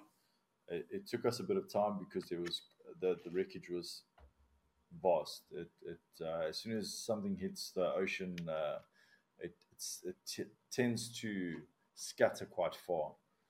how, how deep? Sorry, how deep down was this? Uh, that was more or less 30 meters. It fluctuated from uh, 25 to about 32 meters uh, over a 500 meter radius where we okay. recovered this this wreckage. Yeah, that, that was quite a difficult job because uh, people were lost, and uh, that you know that part of the job was quite difficult. To uh, it was a, a, new experience for me, but also it, you know I, I, I, figured out a few. Th- it, sometimes when you do things that you not too sure you could do, you learn a few things about yourself. And I, le- yeah. I learned that it's um, it's a hell of a lot stronger than I thought. You know, uh, it might have seemed cold to your average person, but uh, I've realized that I, I, I know when I'm given a task, I can perform it without hesitation, and I learned it on that job. It was it, this it was a very black and white situation. Either you're going to do it or you're not. So yeah, that that's something that I learned on that job. Um, still ongoing, still doing transfers by via boat because they have no idea what happened with with this uh, helicopter or two helicopters. Um, but yeah, sorry, what was your question? No, no, it was just if you if you've got a KIF story to tell. Oh, that, that's definitely not a that's not a KIF story. Fuck, sorry, man. For me, for me, obviously, I know I know what happened. Uh, I don't know if I'm actually allowed to say that you told me what happened, but um... uh, he's lying. He doesn't know what happened. I told him lies. You know, I've never let the truth get in the way of a good yarn. Um, okay, let's let's let's do this. Um, okay. Any? Have you got like? All right, I'll give I'll, I'll give you a good story. Okay, go for it. Very very quick story. Okay, so Gabon, 2013.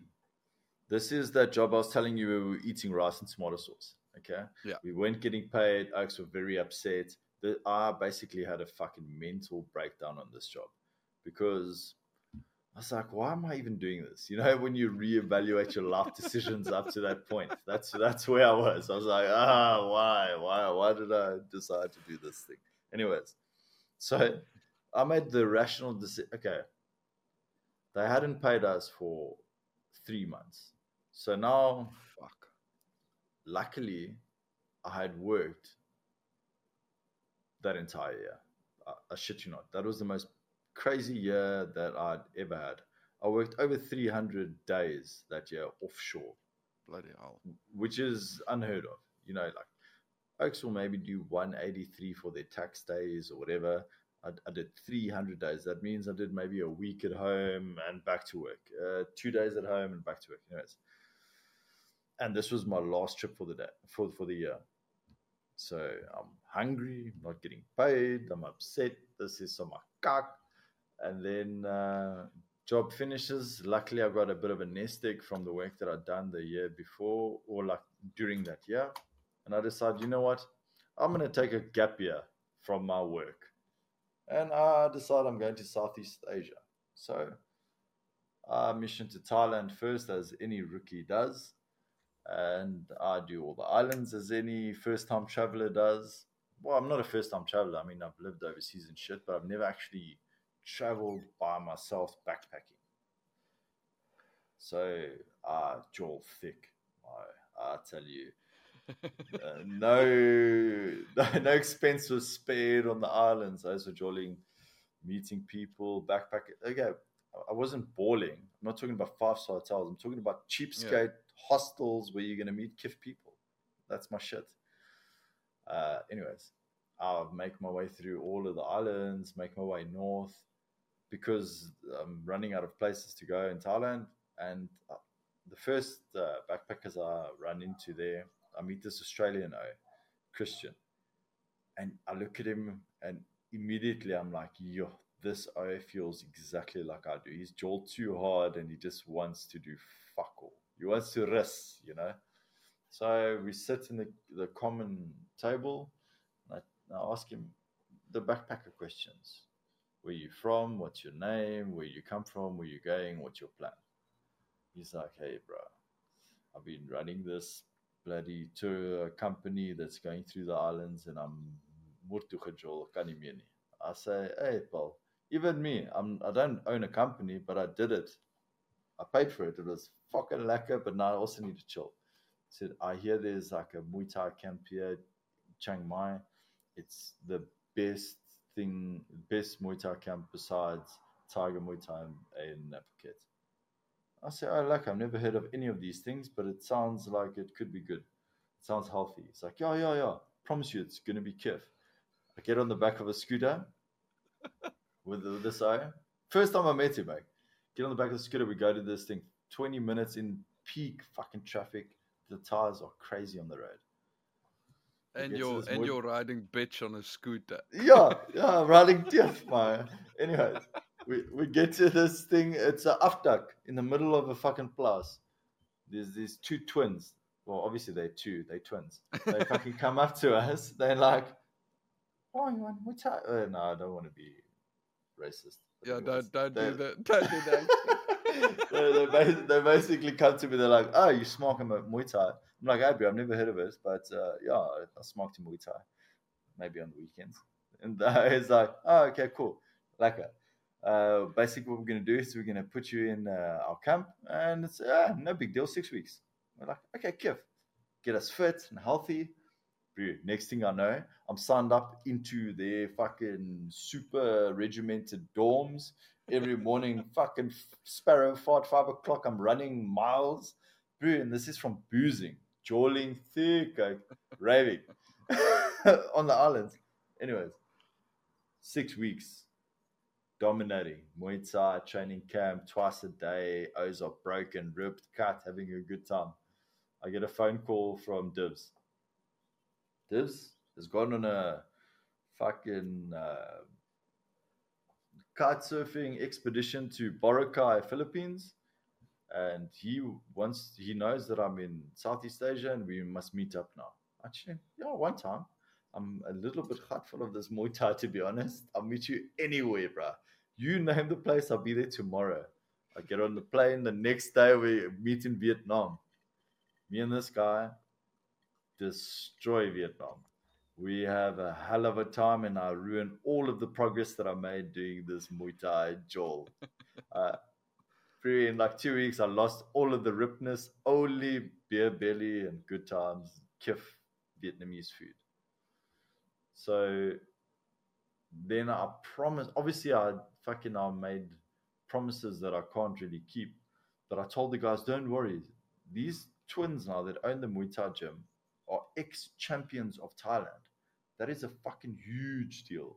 They they've yeah. got they've got 30 foot posters of them in Lumpini Stadium, which is the main stadium in like in Bangkok. These O's are massive. And I promised them that I'll be back right after my trip to Vietnam to finish my camp. Fuck, bro. I come back to them a broken man. They look at me, they're like, oh, you, you don't look very good. Not very nice. I said, yeah, bro, but I promise you two weeks, you'll get two weeks out of me. They're like, no, no, one week's enough. One week's okay. I did my one week, fucked off to my dad, chilled with him for a little bit because he's retired in Thailand. And uh, yeah, from there, I continued on. The story continues. I was there for six Any- months. As Southeast Asia any was fights? wild. I didn't fight no one. No, bro. I'm a lover, not a fighter. I wanted, I wanted, um, I want to ask you about your travels because obviously uh, we did touch on the misconception of you guys obviously traveled to all these amazing places, but you're grafting the whole time. Um, is there is there any specific places or trips that stand out um, in your in your travels? Yeah, Saudi Arabia, uh, also the devil's onions, as I like to call it, was horrible. Bro, I, I'm talking about heat stroke. I was throwing up everywhere, 50 degrees on deck. That stands out. That was not fun. Yeah. Also, they offered me a permanent position on their team, and I told them to get fucked. there's no, there's no chance, bro. Yeah. Um, but yeah, work wise, the Singapore was nice. Enjoyed that. Middle East is not for me. East Africa is very nice. Um, we're working in uh, off Dar es Salaam, Tanzania. That was very nice because we got two weeks off while we were waiting for our DSV to come down because it had engine trouble. So we got to fly to Zanzibar over uh, what you call it Halloween. That was fun. Uh, everything that I remember that's fun is the jewels that we had. Never really Yeah. work related, you know, obviously. Um, but yeah, look, I've, I've seen a, a few places and uh, I can't really choose a favorite place. It's impossible because it, it all feels like it's it, it's together. It's one Yeah. big long story. You know, there could be a book there one day. Who knows? No, you'll you'll have to fucking work on that. I mean, I've I've I've spent quite a bit of time with you, mostly at the pub, and uh, we've got we've got quite a bit of uh, stories. The the, Yeah. the the chronicles of pew pew. That um, we we've had a we've had a lot of fun while um, ingesting some some beverages. Yeah. Um, just to, th- th- this is the last question I think that I've got about um, the the commercial diving thing. What's a what's a question that you like? What's the favorite question that you? I lost you there. in terms of sound? No, no, completely frozen screen. Okay, am I You're back? back now. Okay. Yeah, yeah, you're back. Um. Okay, so I'll just I'll just repeat. Is there is there a a question that you'd like getting about your work? Um, to to give in an, to give you an example, like I'm I'm in a line. Well, not now. I was in a line in South Africa. I was a line of of agriculture where the genetic side of it was where my specialty was, and I I Yeah. loved when people asked me about that genetic side of what I did because I can ramble about that on about that for hours. Is there a specific a specific question that you love getting about about your work? Well, no, because I'm a fucking introvert. You know, I don't like any questions. but I can no, thanks no. thanks for being on the podcast then. no, no, no. But having said that, um, it depends on the person. There's not one specific question. I do like people asking me questions, and I, I, I hate people trying to act like they know shit that they don't fucking know. Okay. The, the, the, the thing I can respect the most is if you say to me, listen, I've never seen anything like this, or I, I don't know what that is. Can you please explain more? I respect that a hell of a lot more than you telling me that you know what you're going to do and then you get there and you don't know what you do because that happens a hell of a lot more often than you would think. Yeah. So any question's a fucking great question. Better than Well, no I hope- question. I hope all of these questions that I've asked so far are great. No, no, you've fucking done a great job of asking your questions. I just don't know if I've delivered the answers that anybody No, wants you- to hear. no, you're delivering. So, I'm and five, four, three, two, one, cock panther. okay, so we we um I might not even cut this out. Let's let's see. Uh we we're having so much fun.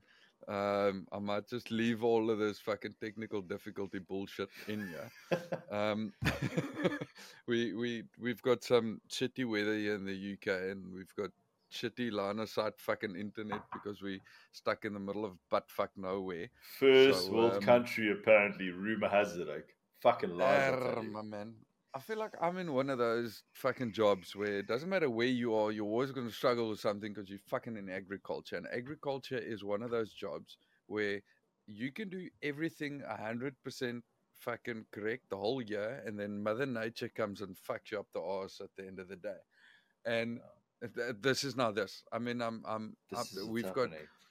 We've got professional fucking sound, and we're using a professional. The man has got a fancy microphone. Let me tell you. Yeah, Uh, and and then, also, and I must we've say- got.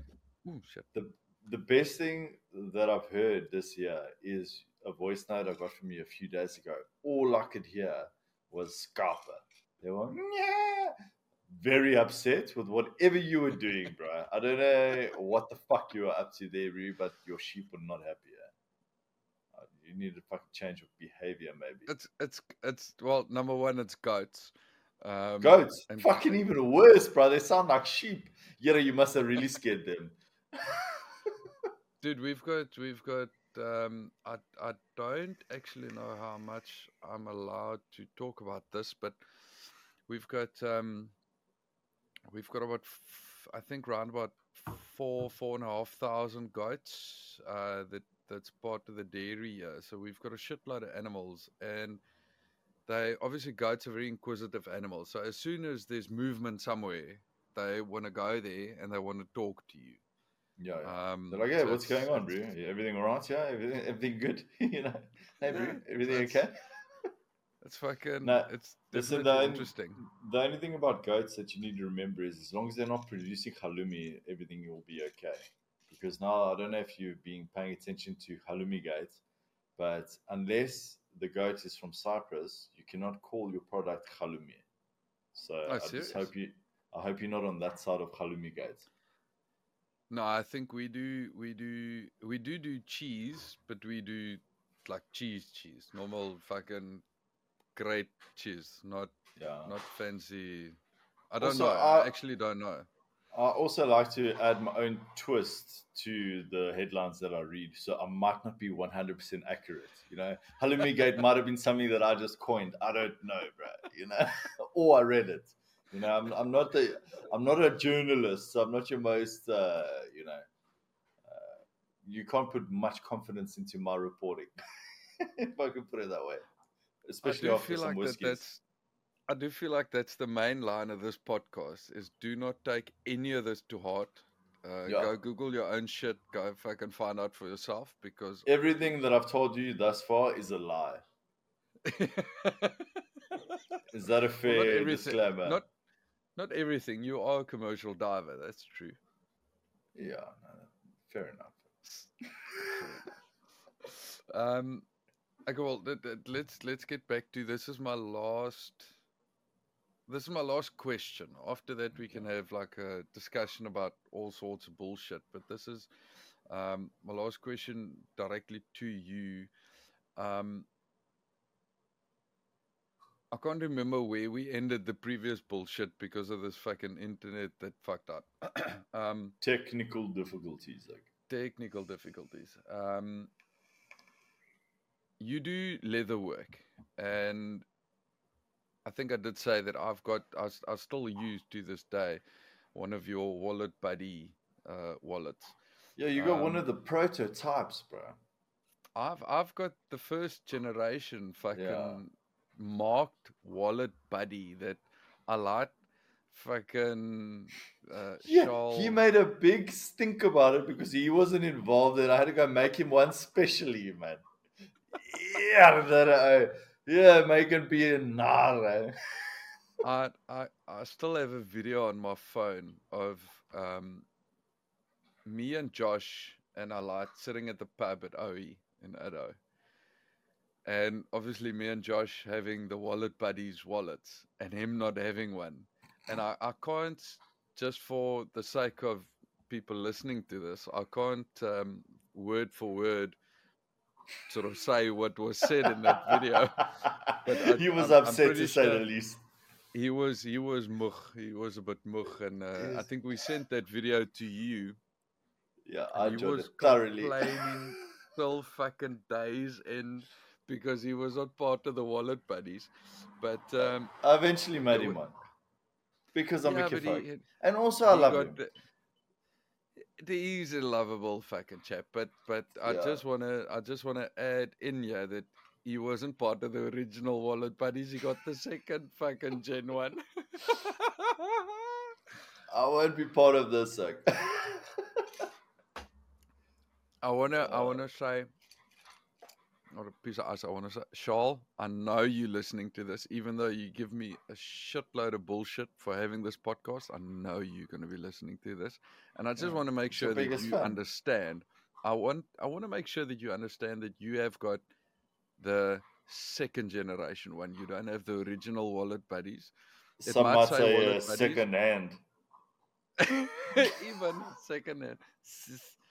Anyway, we're getting off track. Let me just ask this and then we can go into bullshit now.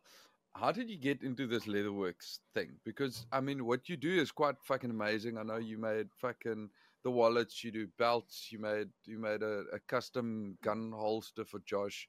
Um, how did how did you get into doing this? Yeah, it seems it seems like that we we hitting on a trend here. With every question you ask me, it seems like a it should be a short answer, but it actually turns out to be a long fucking story. That's fine. And the long story is, we moved to Cyprus when I was six. When we moved here, uh, my my dad had a business in uh, Butterworth.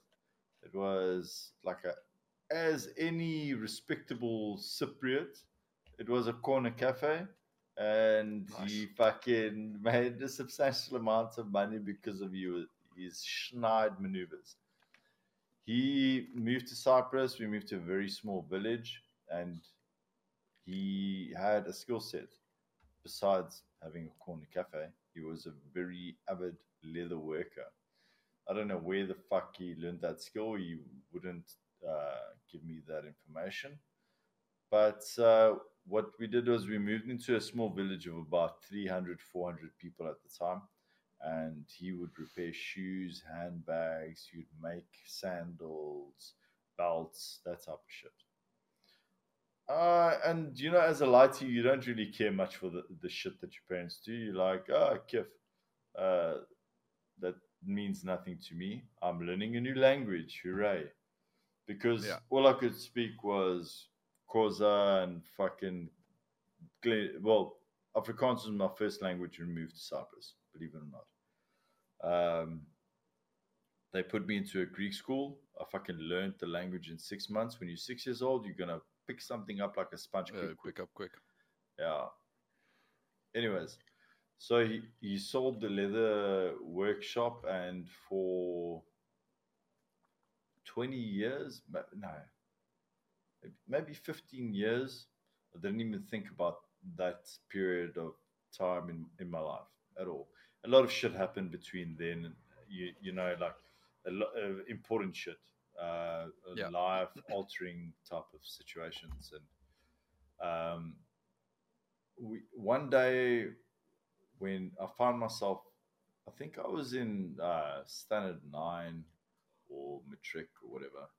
It was towards the end of my high school career. I remember going into the back storeroom of Africanos, which was my dad's sort of like uh, three star hotel slash bar slash everything that you can find in Addo that was one of its kind at the time. And at the back, there was this massive fucking machine. And I remember it from the old shoe store days in Gidi when we first moved to Cyprus. I was like, fucking hell, Pops, you moved this thing from South Africa, Butterworth, to Cyprus and back here, and you don't even use it. What's the deal here? Yeah. And he said, listen here. You know when when your dad says, listen here, you better nou fucking mooi listen. Yeah. I might not use this machine, but this machine is very important. And that day he showed me how to work that machine. Now, 20 years on, I know how to use that machine perfectly because I've watched more than enough uh, YouTube videos. He showed me what I needed to know and he allowed me to figure out the rest from there, you know? Yeah. The machine had nothing to fucking do with it. It was the principle of my dad actually taking the time to say, hey, listen, this is an important part of our history without saying it because he's too much of a Yeah. fucking hard ass. So, my passion for leatherwork actually started from my dad's. Fuck it. It, started from his. He ins- his his insistence of not fucking showing me. That's But wait now, started. what what was this machine?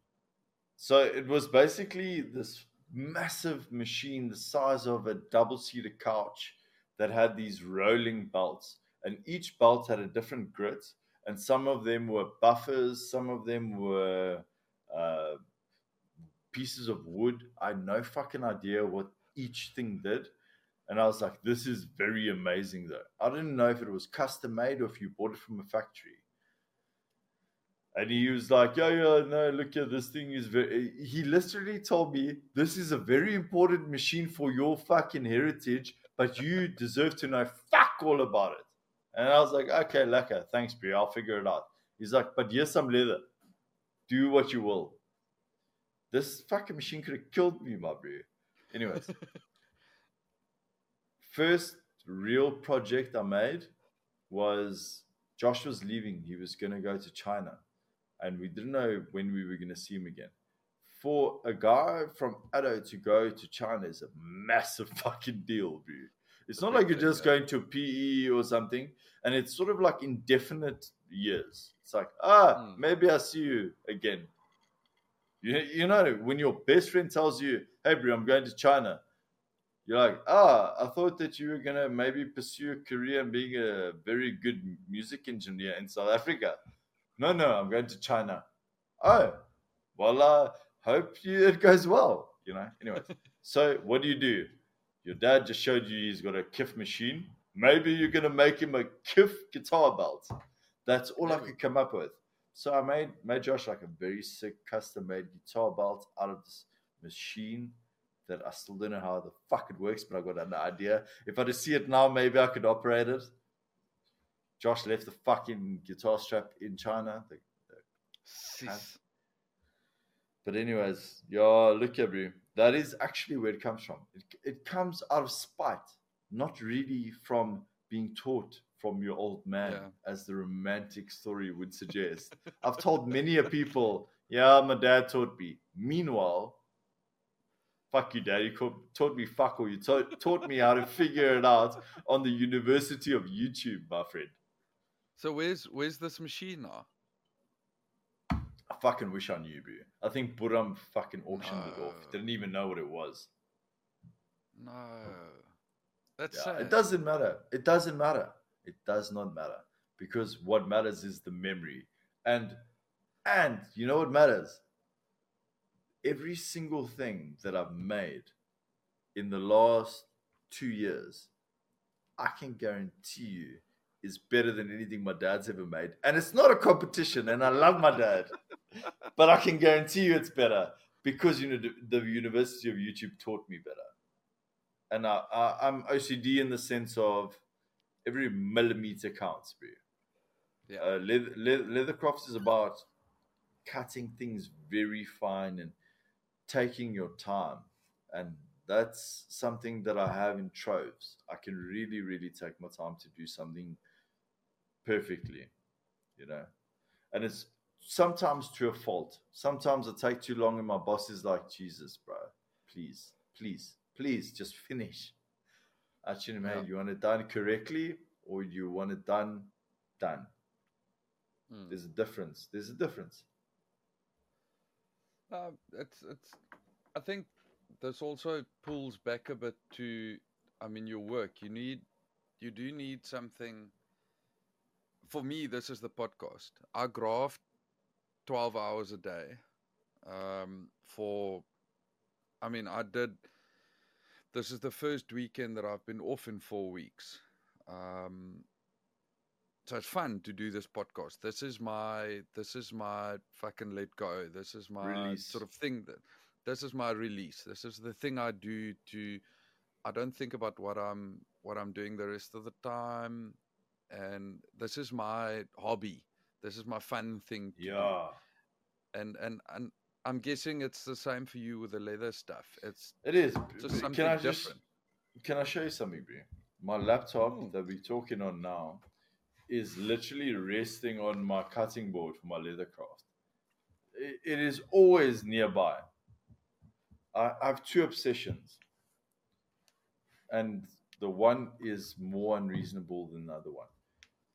The leathercraft being one, I like to do something as perfectly well as I can, and sharpening fucking knives is another one, bro. I'll spend hours on end sharpening a knife until the point where I'm like, fuck, bro, I'm being a little bit weird now. you, you know what I mean? When you catch yourself being a tiny bit strange, you're like, I should probably stop sharpening this knife now. You know? But But that think leads that's- me. Uh, bro, uh, sorry to interrupt. No, no, I go. think I think I found a new interest. I think I need to start making knives because I have a passion for perfectly polished blade, and I think that I could fucking nail it. I just need a workshop, and I'm working on it. Okay, well, let me be the first one to say. I want the wallet buddy version of a knife. I can do that for you. I'm. You hear the confidence in my voice. I can't do that for you, but I said it immediately, like instinctually. Bro, I'm fucking excited to start making fucking knives, and it, for no other reason that, bro, I like being able. Every time. Okay, wait. Let me slow down. Knives make me excited. Bro, Go for it. I love this. Okay. I have a problem on the vessel. It's not even a fucking problem, it's a solution. Every single person on the ship has gone and bought themselves a knife if they didn't have a knife before I got there because I have sharpened every single person's knife on my vessel as the supervisor to a perfect fucking blade where they could shave their faces. I tested by shaving my arm. My arm last month was patches, bro. patches. Because I gave everybody a fucking perfect blade. From the person working underneath the ship in the engine room to the guy on the back of the boat handling ropes. Everybody deserves to have a fucking sharp knife when you're working at sea. And I take it fucking seriously. Bro, having a sharp knife is super important to me. And I'm going to start creating knives. and it's going to be more important than my fucking leather work. We'll be talking about my knives next podcast, guaranteed. I must say, I'm I'm glad we got onto this because I feel like you've got a shitload more passion about the knives than anything else. Fuck the diving and the leather, bro. Bro, I want to make some knives, bro. It it it might be because we've um our intake of whiskey is uh, is quite high at this point, and uh, oh, damn it, that monkey Bruh, shoulder is, is I fucking. did some ran. damage there, bro. I told you, I told you, this is what's this is what's fucking fun about this Yeah. podcast is Li- Philip, we I never mean, we- really talk like this. Uh. Honestly, we'll we'll send each other voice notes every now and then, send a text message, but we never talk like this, bro. This is I love this. This is my shit. Fuck putting it online or anything. We should I should tell all my friends, listen, bro, podcast eight o'clock. uh, I've got you booked for three hours, and we, we will fucking catch up like this. This is the business, bro. It's it's the ultimate con. My man, I'm telling you, this is why I started this. I promise you, me and Jock, and I, have I've told the story before on this podcast, but me and Jock were messing around when I started this. When not started this, when I when I made this. This was a little fucking storeroom that we've got on the side of a house. Yeah, I remember voice thing- noting you in that exact same area. Yeah. Yeah, we we we started. I, I fucking cleaned out me and me and Allison. We cleaned out this this this place. Put carpet in here because it's cold as fuck. Put insulation in. Put a couch in here. Hung up some fucking shitty stuff, and this was just a place for me to do to have a smoke, have a drink, just switch off at the end of the day. And me and Jock, I mean, you you know Jock. You know when I say Yeah, Jock, yeah, you yeah. know who I'm talking Yeah, about. I know exactly. Um. I mean, we speak basically every day, uh, at least once a week. We'll do a video chat over over WhatsApp, and we sort of had this running, not a running joke, but it was sort of this thing where it it looked like a studio, Yeah. and we we sort of made fun of the fact that ah fuck it, it looks like a podcast, so let's start a podcast. And then me and Allison started talking about it. And I said, Well, I actually have this fucking gold mine of friends that do give things that have got either interesting variety. or yeah. yeah, it's just people that do interesting shit that I can talk to and make make an episode with and Even Whether if they're not an listen to it or interesting not. job, they're interesting fucking people, man. I mean, Mm. you know, interesting people attract interesting people at the end of the day. You're not going to go and be, there's sort of like a magnetic attraction when it comes to bands. When you're around, even if you're in a pub or in a non social setting, people are attracted to fun people. It's just the way it is.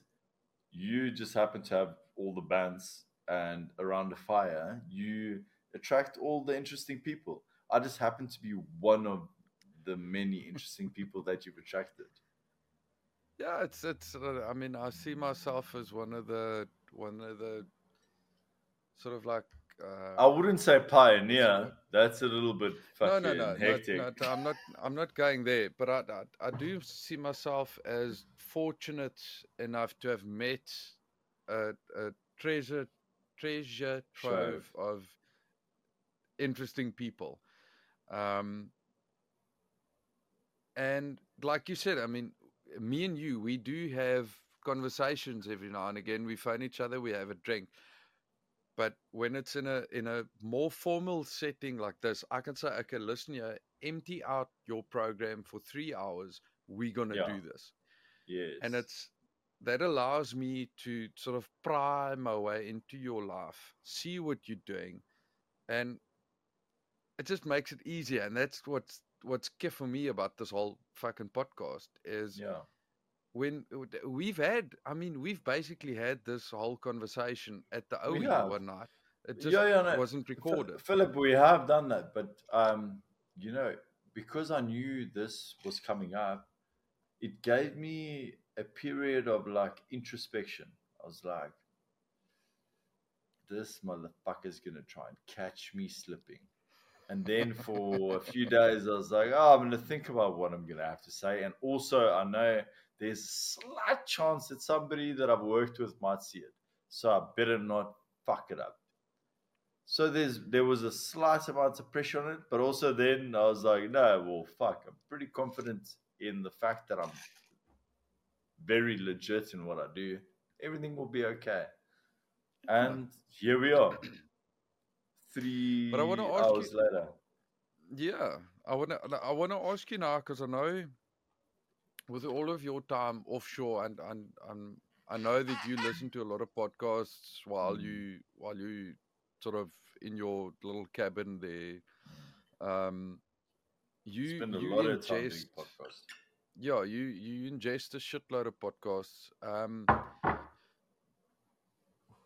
I'm I'm I'm sort of in between because, like I said, I I do this for me. I, I'm Yeah. not. I don't. I don't look at figures every day. I I get because the the program that I use to upload this to um, like Spotify and all of the other um, platforms. I can see where all all everyone that listens to this, I can see where they come from. Um, I can see whether they're listening to that, whether they're listening to this on like an Android system. I can see if they're listening on their phone. Yeah, they, they break computer. it down for you. Yeah. Yeah, I can see all of that, but I, I, Mm. I tend to look at that like maybe once every two weeks, once a month. I'm not I'm not too worried about listeners. You'd be Um, ridiculous not to look at it at all. You know, I mean, there's no shame in looking at your fucking schematics, bro. It is fun, but it's not. That's not where the sort of crux of this whole thing lies. I I do it because I enjoy it. Um, You, you want to kind of see what your engagement is. Obviously, you you want to be able to see, okay, is it worthwhile continuing with this thing? Surely, that dude, that's as, your as long as as long as I'm having fun, I don't care who's listening. Um, but Fair there is a side note. To be to be brutally honest, I Yeah. do not care who's listening to this. If I get a thousand people listening, fucking great. If I get ten people listening, uh, Also fucking fine, great. I have fun. It's also great. Um, if there's if I'm talking to if I'm talking to people that like Van der Aven, um, I think it was my second podcast. It's a it's a band, um, Van der. It's they they Three Oaks. Thoroughly enjoy their music. Um, they brought out their first proper um, like f- under the Van Aven brand. They brought out their first um, single on the tenth, I think, so a week ago. yeah, Uh, there's a music video pending. I I would like to believe that I maybe brought two extra people towards them, two or three or four extra extra people that might listen to the music, and that's that that makes me feel great. that's all If that not, matters. I still I still had fun doing it. What I want to ask Also, you though, uh, no, no, wait. Before you ask me, Yeah. I must remind you. You know, your bald head has become a bit of an icon.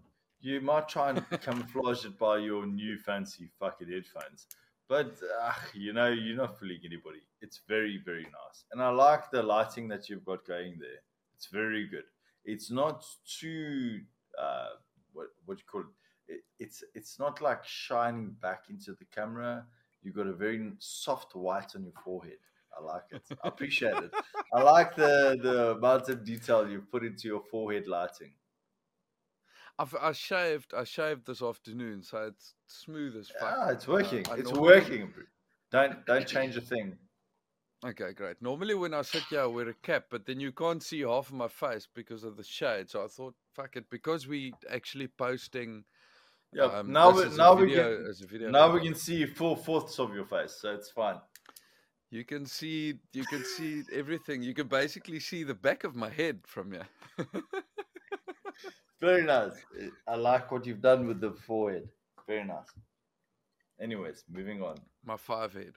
Um, I wanna I wanna ask you about about podcasts. Um, Yes. like you said, you ingest a shitload of fucking podcasts. What I what I like to do is this long form um Conversations. t- conversations. I don't Yeah. I, my feeling about this whole thing is you can't get into sort of the mindset of someone else in a 15 minute, 25 minute, half an hour setting. No chance. I can ask you. I can ask you. What do you do? You're a commercial diver. Uh, where do you do it? Offshore, fucking Pissouri or Angola, or whatever. and then we go. Yeah. Okay, well, that's all the time we have. We're done for the day. Now, It's impossible like to actually get a people- feel for a person.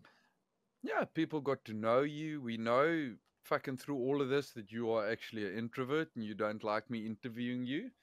Yeah, but also I Um, like to go out and fucking joel. You know what I mean? Yeah, I like to joel but also I don't like to talk to people. So it's a crux. you know, like No, so- fuck you, don't talk to me, but I like the Joel.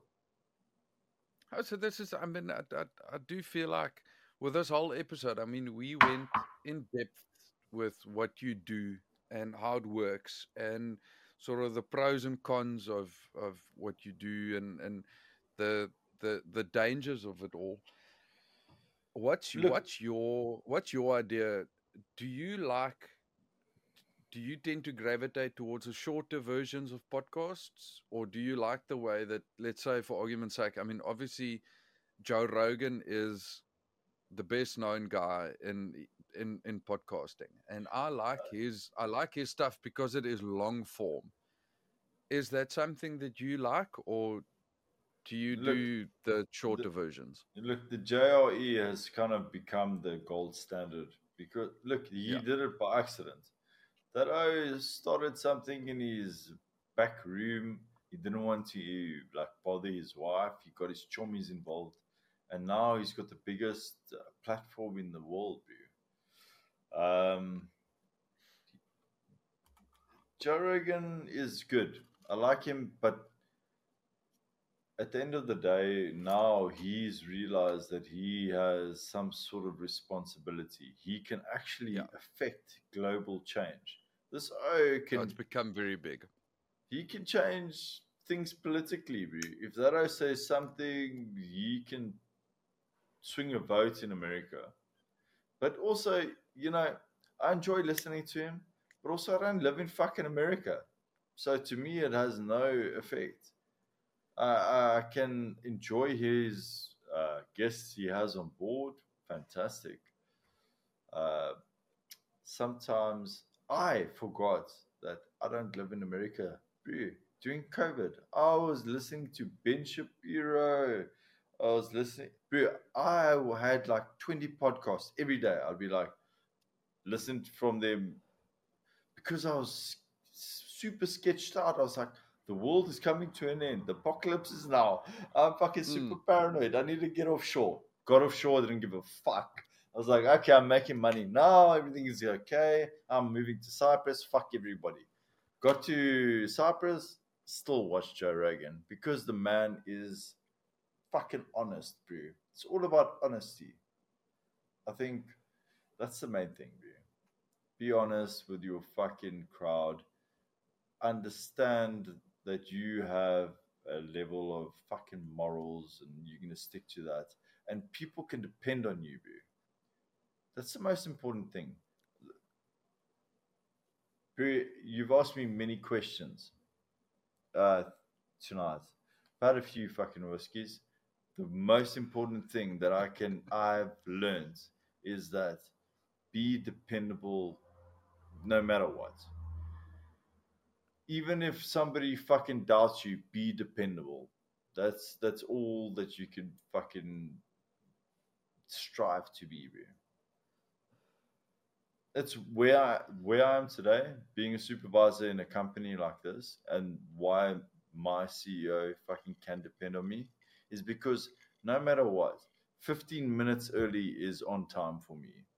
yeah It's small things that I've learned over the years. Nobody's had to fucking teach me. I know that 15 minutes early is on time, and I know that you ask me to do something, I will do my best. And if I cannot do it, I will tell you immediately when you ask me that I cannot do it. Don't Yeah. fucking lie. It, it's basic things, bro. Be honest, be dependable, be fucking early. Be a fucking good diver. These are the five points I can tell you. Yeah. I I think I think that draws back to what we said earlier about. I think there is a there's a there's a sort of a type of grafting that's being lost on. I don't wanna I don't wanna fucking revert back to. I think every generation has that whole thing of uh, the fucking next generation is lazy and all of that Yeah, yeah, bullshit. yeah. I don't want to I don't want to revert back to that, but I do feel like something's been lost and I do think that it's because it, I think social media has got a lot to do with it because everyone's running on that instant graphic gratification thing where you post something, you get likes, and you go You for get it. the dopamine It's- it's- hits. You get that dopamine dump, yeah. um, and and th- th- that graph piece of fucking getting somewhere has been lost. I, cannot don't know. explain how how how good it feels when I I don't I don't know if if let's imagine I made this pen.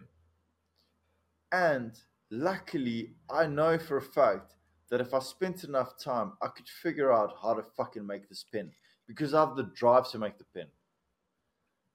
That's the difference. I'm I'm telling you an hypothetical thing. I'm handing you the pen. Enjoy the pen. How how good do you think the pen is? I know for a fact that if I'd fucking take the time to make somebody a pen that I cared about, I would take the time to learn the skill set that it took to make it perfect. And it's work ethic, Philip. That's what it comes down to. And I feel like we're losing that, bro. If we lose that, we're gonna lose. We, we're gonna have like terribly produced fucking whiskey glasses. The whiskey glass is gonna break under the pressure of my hand. My fucking whiskey won't be able to be poured. My podcast will be terrible because I won't be able to drink whiskey. You know, it's uh, got a fucking uh, serious repercussions. I think it's it's um, ambition. I think ambition has been watered down um, because of that whole instant gratification thing. I'm uh, sorry, I'm thinking. That's why I'm staring into nothingness. But Ambition? Um, no, no, I, I don't think and- you're and right, bro.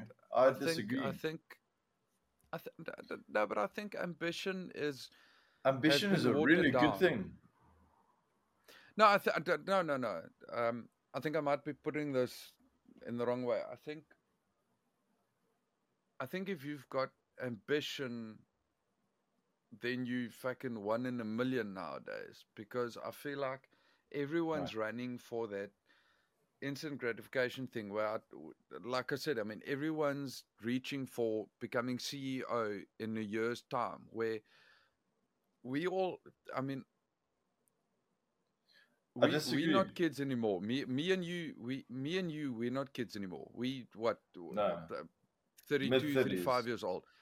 We we understand that you need to. I mean, in my profession, you need to fucking start at the bottom. You need to drive the tractor. You need to feed the cars. No, You're no, no, Philip. I disagree manager. with you. Sorry, man. Can I interrupt you for one second? No, please. I'm glad. I'm glad we're having a fucking disagreement. This is great. Bro, ambition. I hear you. the The problem is the ambition.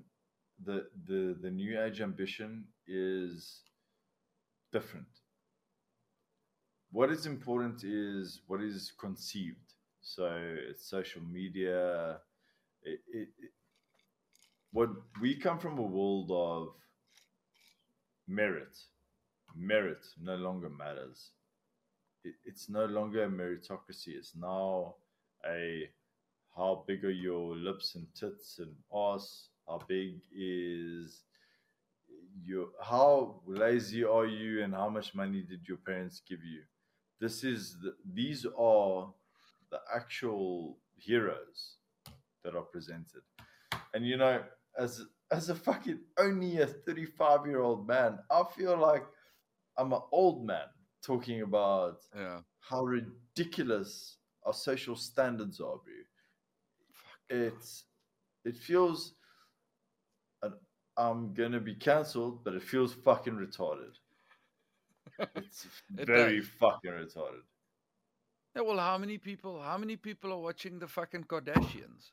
They've built a legacy on doing I don't know. fuck all. Is the Kardashians even going on? But what I'm saying is like, Jesus, bro. Nobody gives a fuck. There, there's things like Love Island. And my, my missus watches Love Island. I sit here for for for half an hour, and I'm looking at the most mind-numbing retards. They're like, "Oh, I don't know if you've noticed, but my pics are pretty gift." I'm like, "Hey, bro, yeah, yeah. I've also been to Brakpan before. Your pics are very cock. You are just English. You got my cock accent, my bro. you know what I'm saying? Fuck, they must open uh, my Love Island in uh, bloody Brakpan. Much better. At least then people will get knifed. There will be fucking action. Action, attraction. Brakpan, knifing. Uh, eh. Please don't dump me. I will not dump you. I will kill you. Uh, nya, nya, nya. People will die. They will be much better. I promise you. Yeah. This English one is very PG. PG bullshit. Fucking naira. I'm so I'm so fucking glad. We I haven't had I haven't had proper TV. But what I mean by that is uh, plug-in TV. Like I've I've not had DSTV or any form of that in probably 10, 10 years. What do we live in? 2017, like Jesus. Ain't nobody got time for DSTV pay a thousand rand for bullshit. Only the sport. Literally. Eyes are paying for sport. They're like, super sport, only place you can get Formula E. Fucking super sport. um what's this other thing? Rugby. Uh tennis. Uh, only place you can do it. We're going to pay you 1000 rand a day or a year or a month. Whatever it is a thousand rand is too much bro. It's too for it's too much. When you can get it online for free. For free. It is. It's it's. But it, I, I think that do it does pull back to that fucking. And I, I mean, I'm guilty of that as well. It's that instant gratification thing. We don't. Back in the day, if you want to watch Friends, you're gonna have to wait till next week Friday for the next episode, and then you watch that 22 minutes, and then you've also got fucking advertences in between. But then you're gonna watch it, and then you're gonna have to wait another week. Now, Let's- what do you do now? Listen here. a new a new season gets released and you watch you binge watch you fucking watch 10, se- 10 episodes of that seasons of, of that season in a fucking day and a half. immediately you get it done You get immediately it. You get the job done. Listen, bro. As a man, I cannot come here and try and tell you that I don't know what instant grat- gratification means. What? Anyways, moving on. you understand what I'm talking about. Ah, the whiskey is flying that monkey shoulder i want to ask you about this now that monkey shoulder that you're having now oh my man that's mooi eh? Get him out. I, I monkey shoulder is I the th- drie kwart bottle hier, maar. i want to ask you this this this is this is this might be an interesting conversation Alright. I, I listen to between 10 and 12 hours a day of podcasts. So I I, I switch between A day. Joe Ro- a day. My man a day. No jokes. I've got I've got I've got a uh, I've got fancy fucking well not even I must say those goats are pretty fucking loud, bro. So I would also do that. If I had loud goats in my ears all day, I would also fucking listen to podcasts. Get on my man, they shout. Um But no, that's I've got a, so I've got a I've got a a little horse. like a yeah it's uh, it- it's on there. I'll try, Um, bro. You you try and make a sound of a diver. I made the sound of a fucking goat. What's what what what sound does a seahorse make?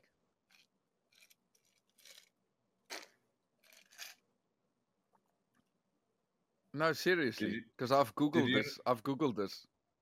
No, no, I made it. Did you not hear it? No, I heard it. It's not. It's not correct. No, it was very high frequency. You wouldn't get it. You know, it's very biological. Ah, that's right. My, my my seahorse mating call is very accurate. I'm having so much fun now. This is the drunk part of this.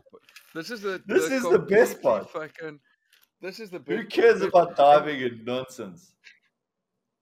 You know what's sad is like out of the potential fucking a hundred people that are gonna listen to this, only seven of them are gonna listen to this point because most And people are have- gonna duck out at like an hour and a half. They'll be like, "Oh, this guy's very serious about his business." Meanwhile,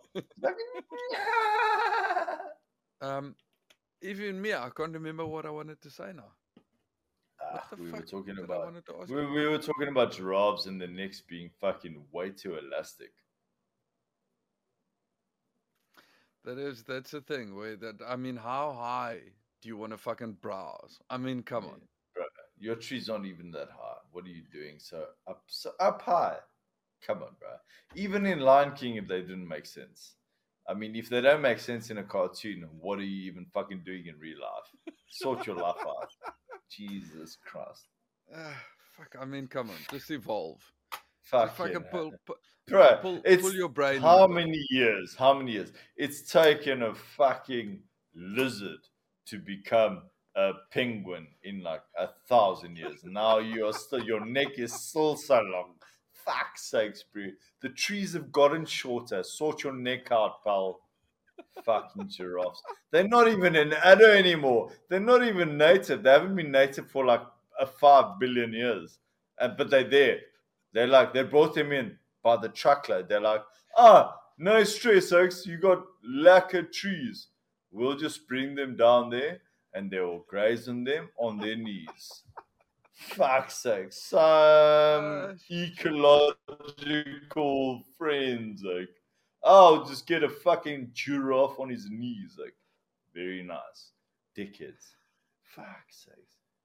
Oh, ooh. So I don't even care about this. giraffes. Yeah, tell me more. fuck giraffes. Let me ask you this. In in in in Fuck, I'm having fun now. Ooh, Dude, this is why about I giraffes? this whole fucking thing. Yeah. I love I love this. I I dude, if I can do this for a job, if someone can ooh, let me get into this. yeah. This podcast is proudly sponsored by fucking me. I'm sponsoring this podcast. No one's sponsoring this podcast. If you want to sponsor the, this podcast, please send an email to the Cockprod Chronicles at, at gmail.com. Uh, then we'll sort something out and let a guy make fucking money. Come on. Anyway, Yeah. Come on, Oz. Um, Fuck's sakes. uh, uh, yeah, here now I'm off my question again. What what are we talking about now? Fucking giraffe. Fucking giraffe, like, average. I would say very below average animal. Zinon, it was fucking amazing having you on yeah We must definitely do another three hours um, in in a in, in a month or three. It's been so much Why- fun. Why, why Thank so you. We can do it next week. Fuck that. But um, thank you very much for making time uh, in your schedule, your very busy schedule for me. I had a lot of fun. I hope all the people that are listening to this are having as much fun. And um, you, Kif friend, I love you to bits, my man. Thank you very much. It's been fun. Listen, I love you too, my man. Um, look, even though you've gotten a hell of a lot more bold since the last time I saw you, your beard, uh, your beard game has improved much, much. It, it it's very strong. Um, you do look a little bit different. Next time, I must say, we're gonna have to fucking get one of those cheap Ryanair flights over to you, and we can do it in person. Uh, Oh, we'll have to do- this. we'll no, listen, this was a hell of a lot of fun, but I feel like a face to face fucking conversation is well in order, and I feel like it's gonna get fucking rowdy if we do do that. we, Um, would- I think, I think we need to get you here in the Billy room. Um, what I call this fucking recording studio little bullshit thing that I've got here. But until then, Avery, listen, thank you so much for having me. I really appreciate it. And I'm sorry to whoever I bored the fuck out of. But Avery, first podcast. This was really, really fun. I smashed a bottle of whiskey. You fucking made me feel as comfortable as fuck. This this was a great time. Thank you. No, we we had fun. Thank you, thank you very much for you, and thank you for sort of sharing all of all of your stuff. And um, yeah, we'll we'll definitely do it again. Okay, buddy. Okay, but talk to you again. Cheers. Cheers.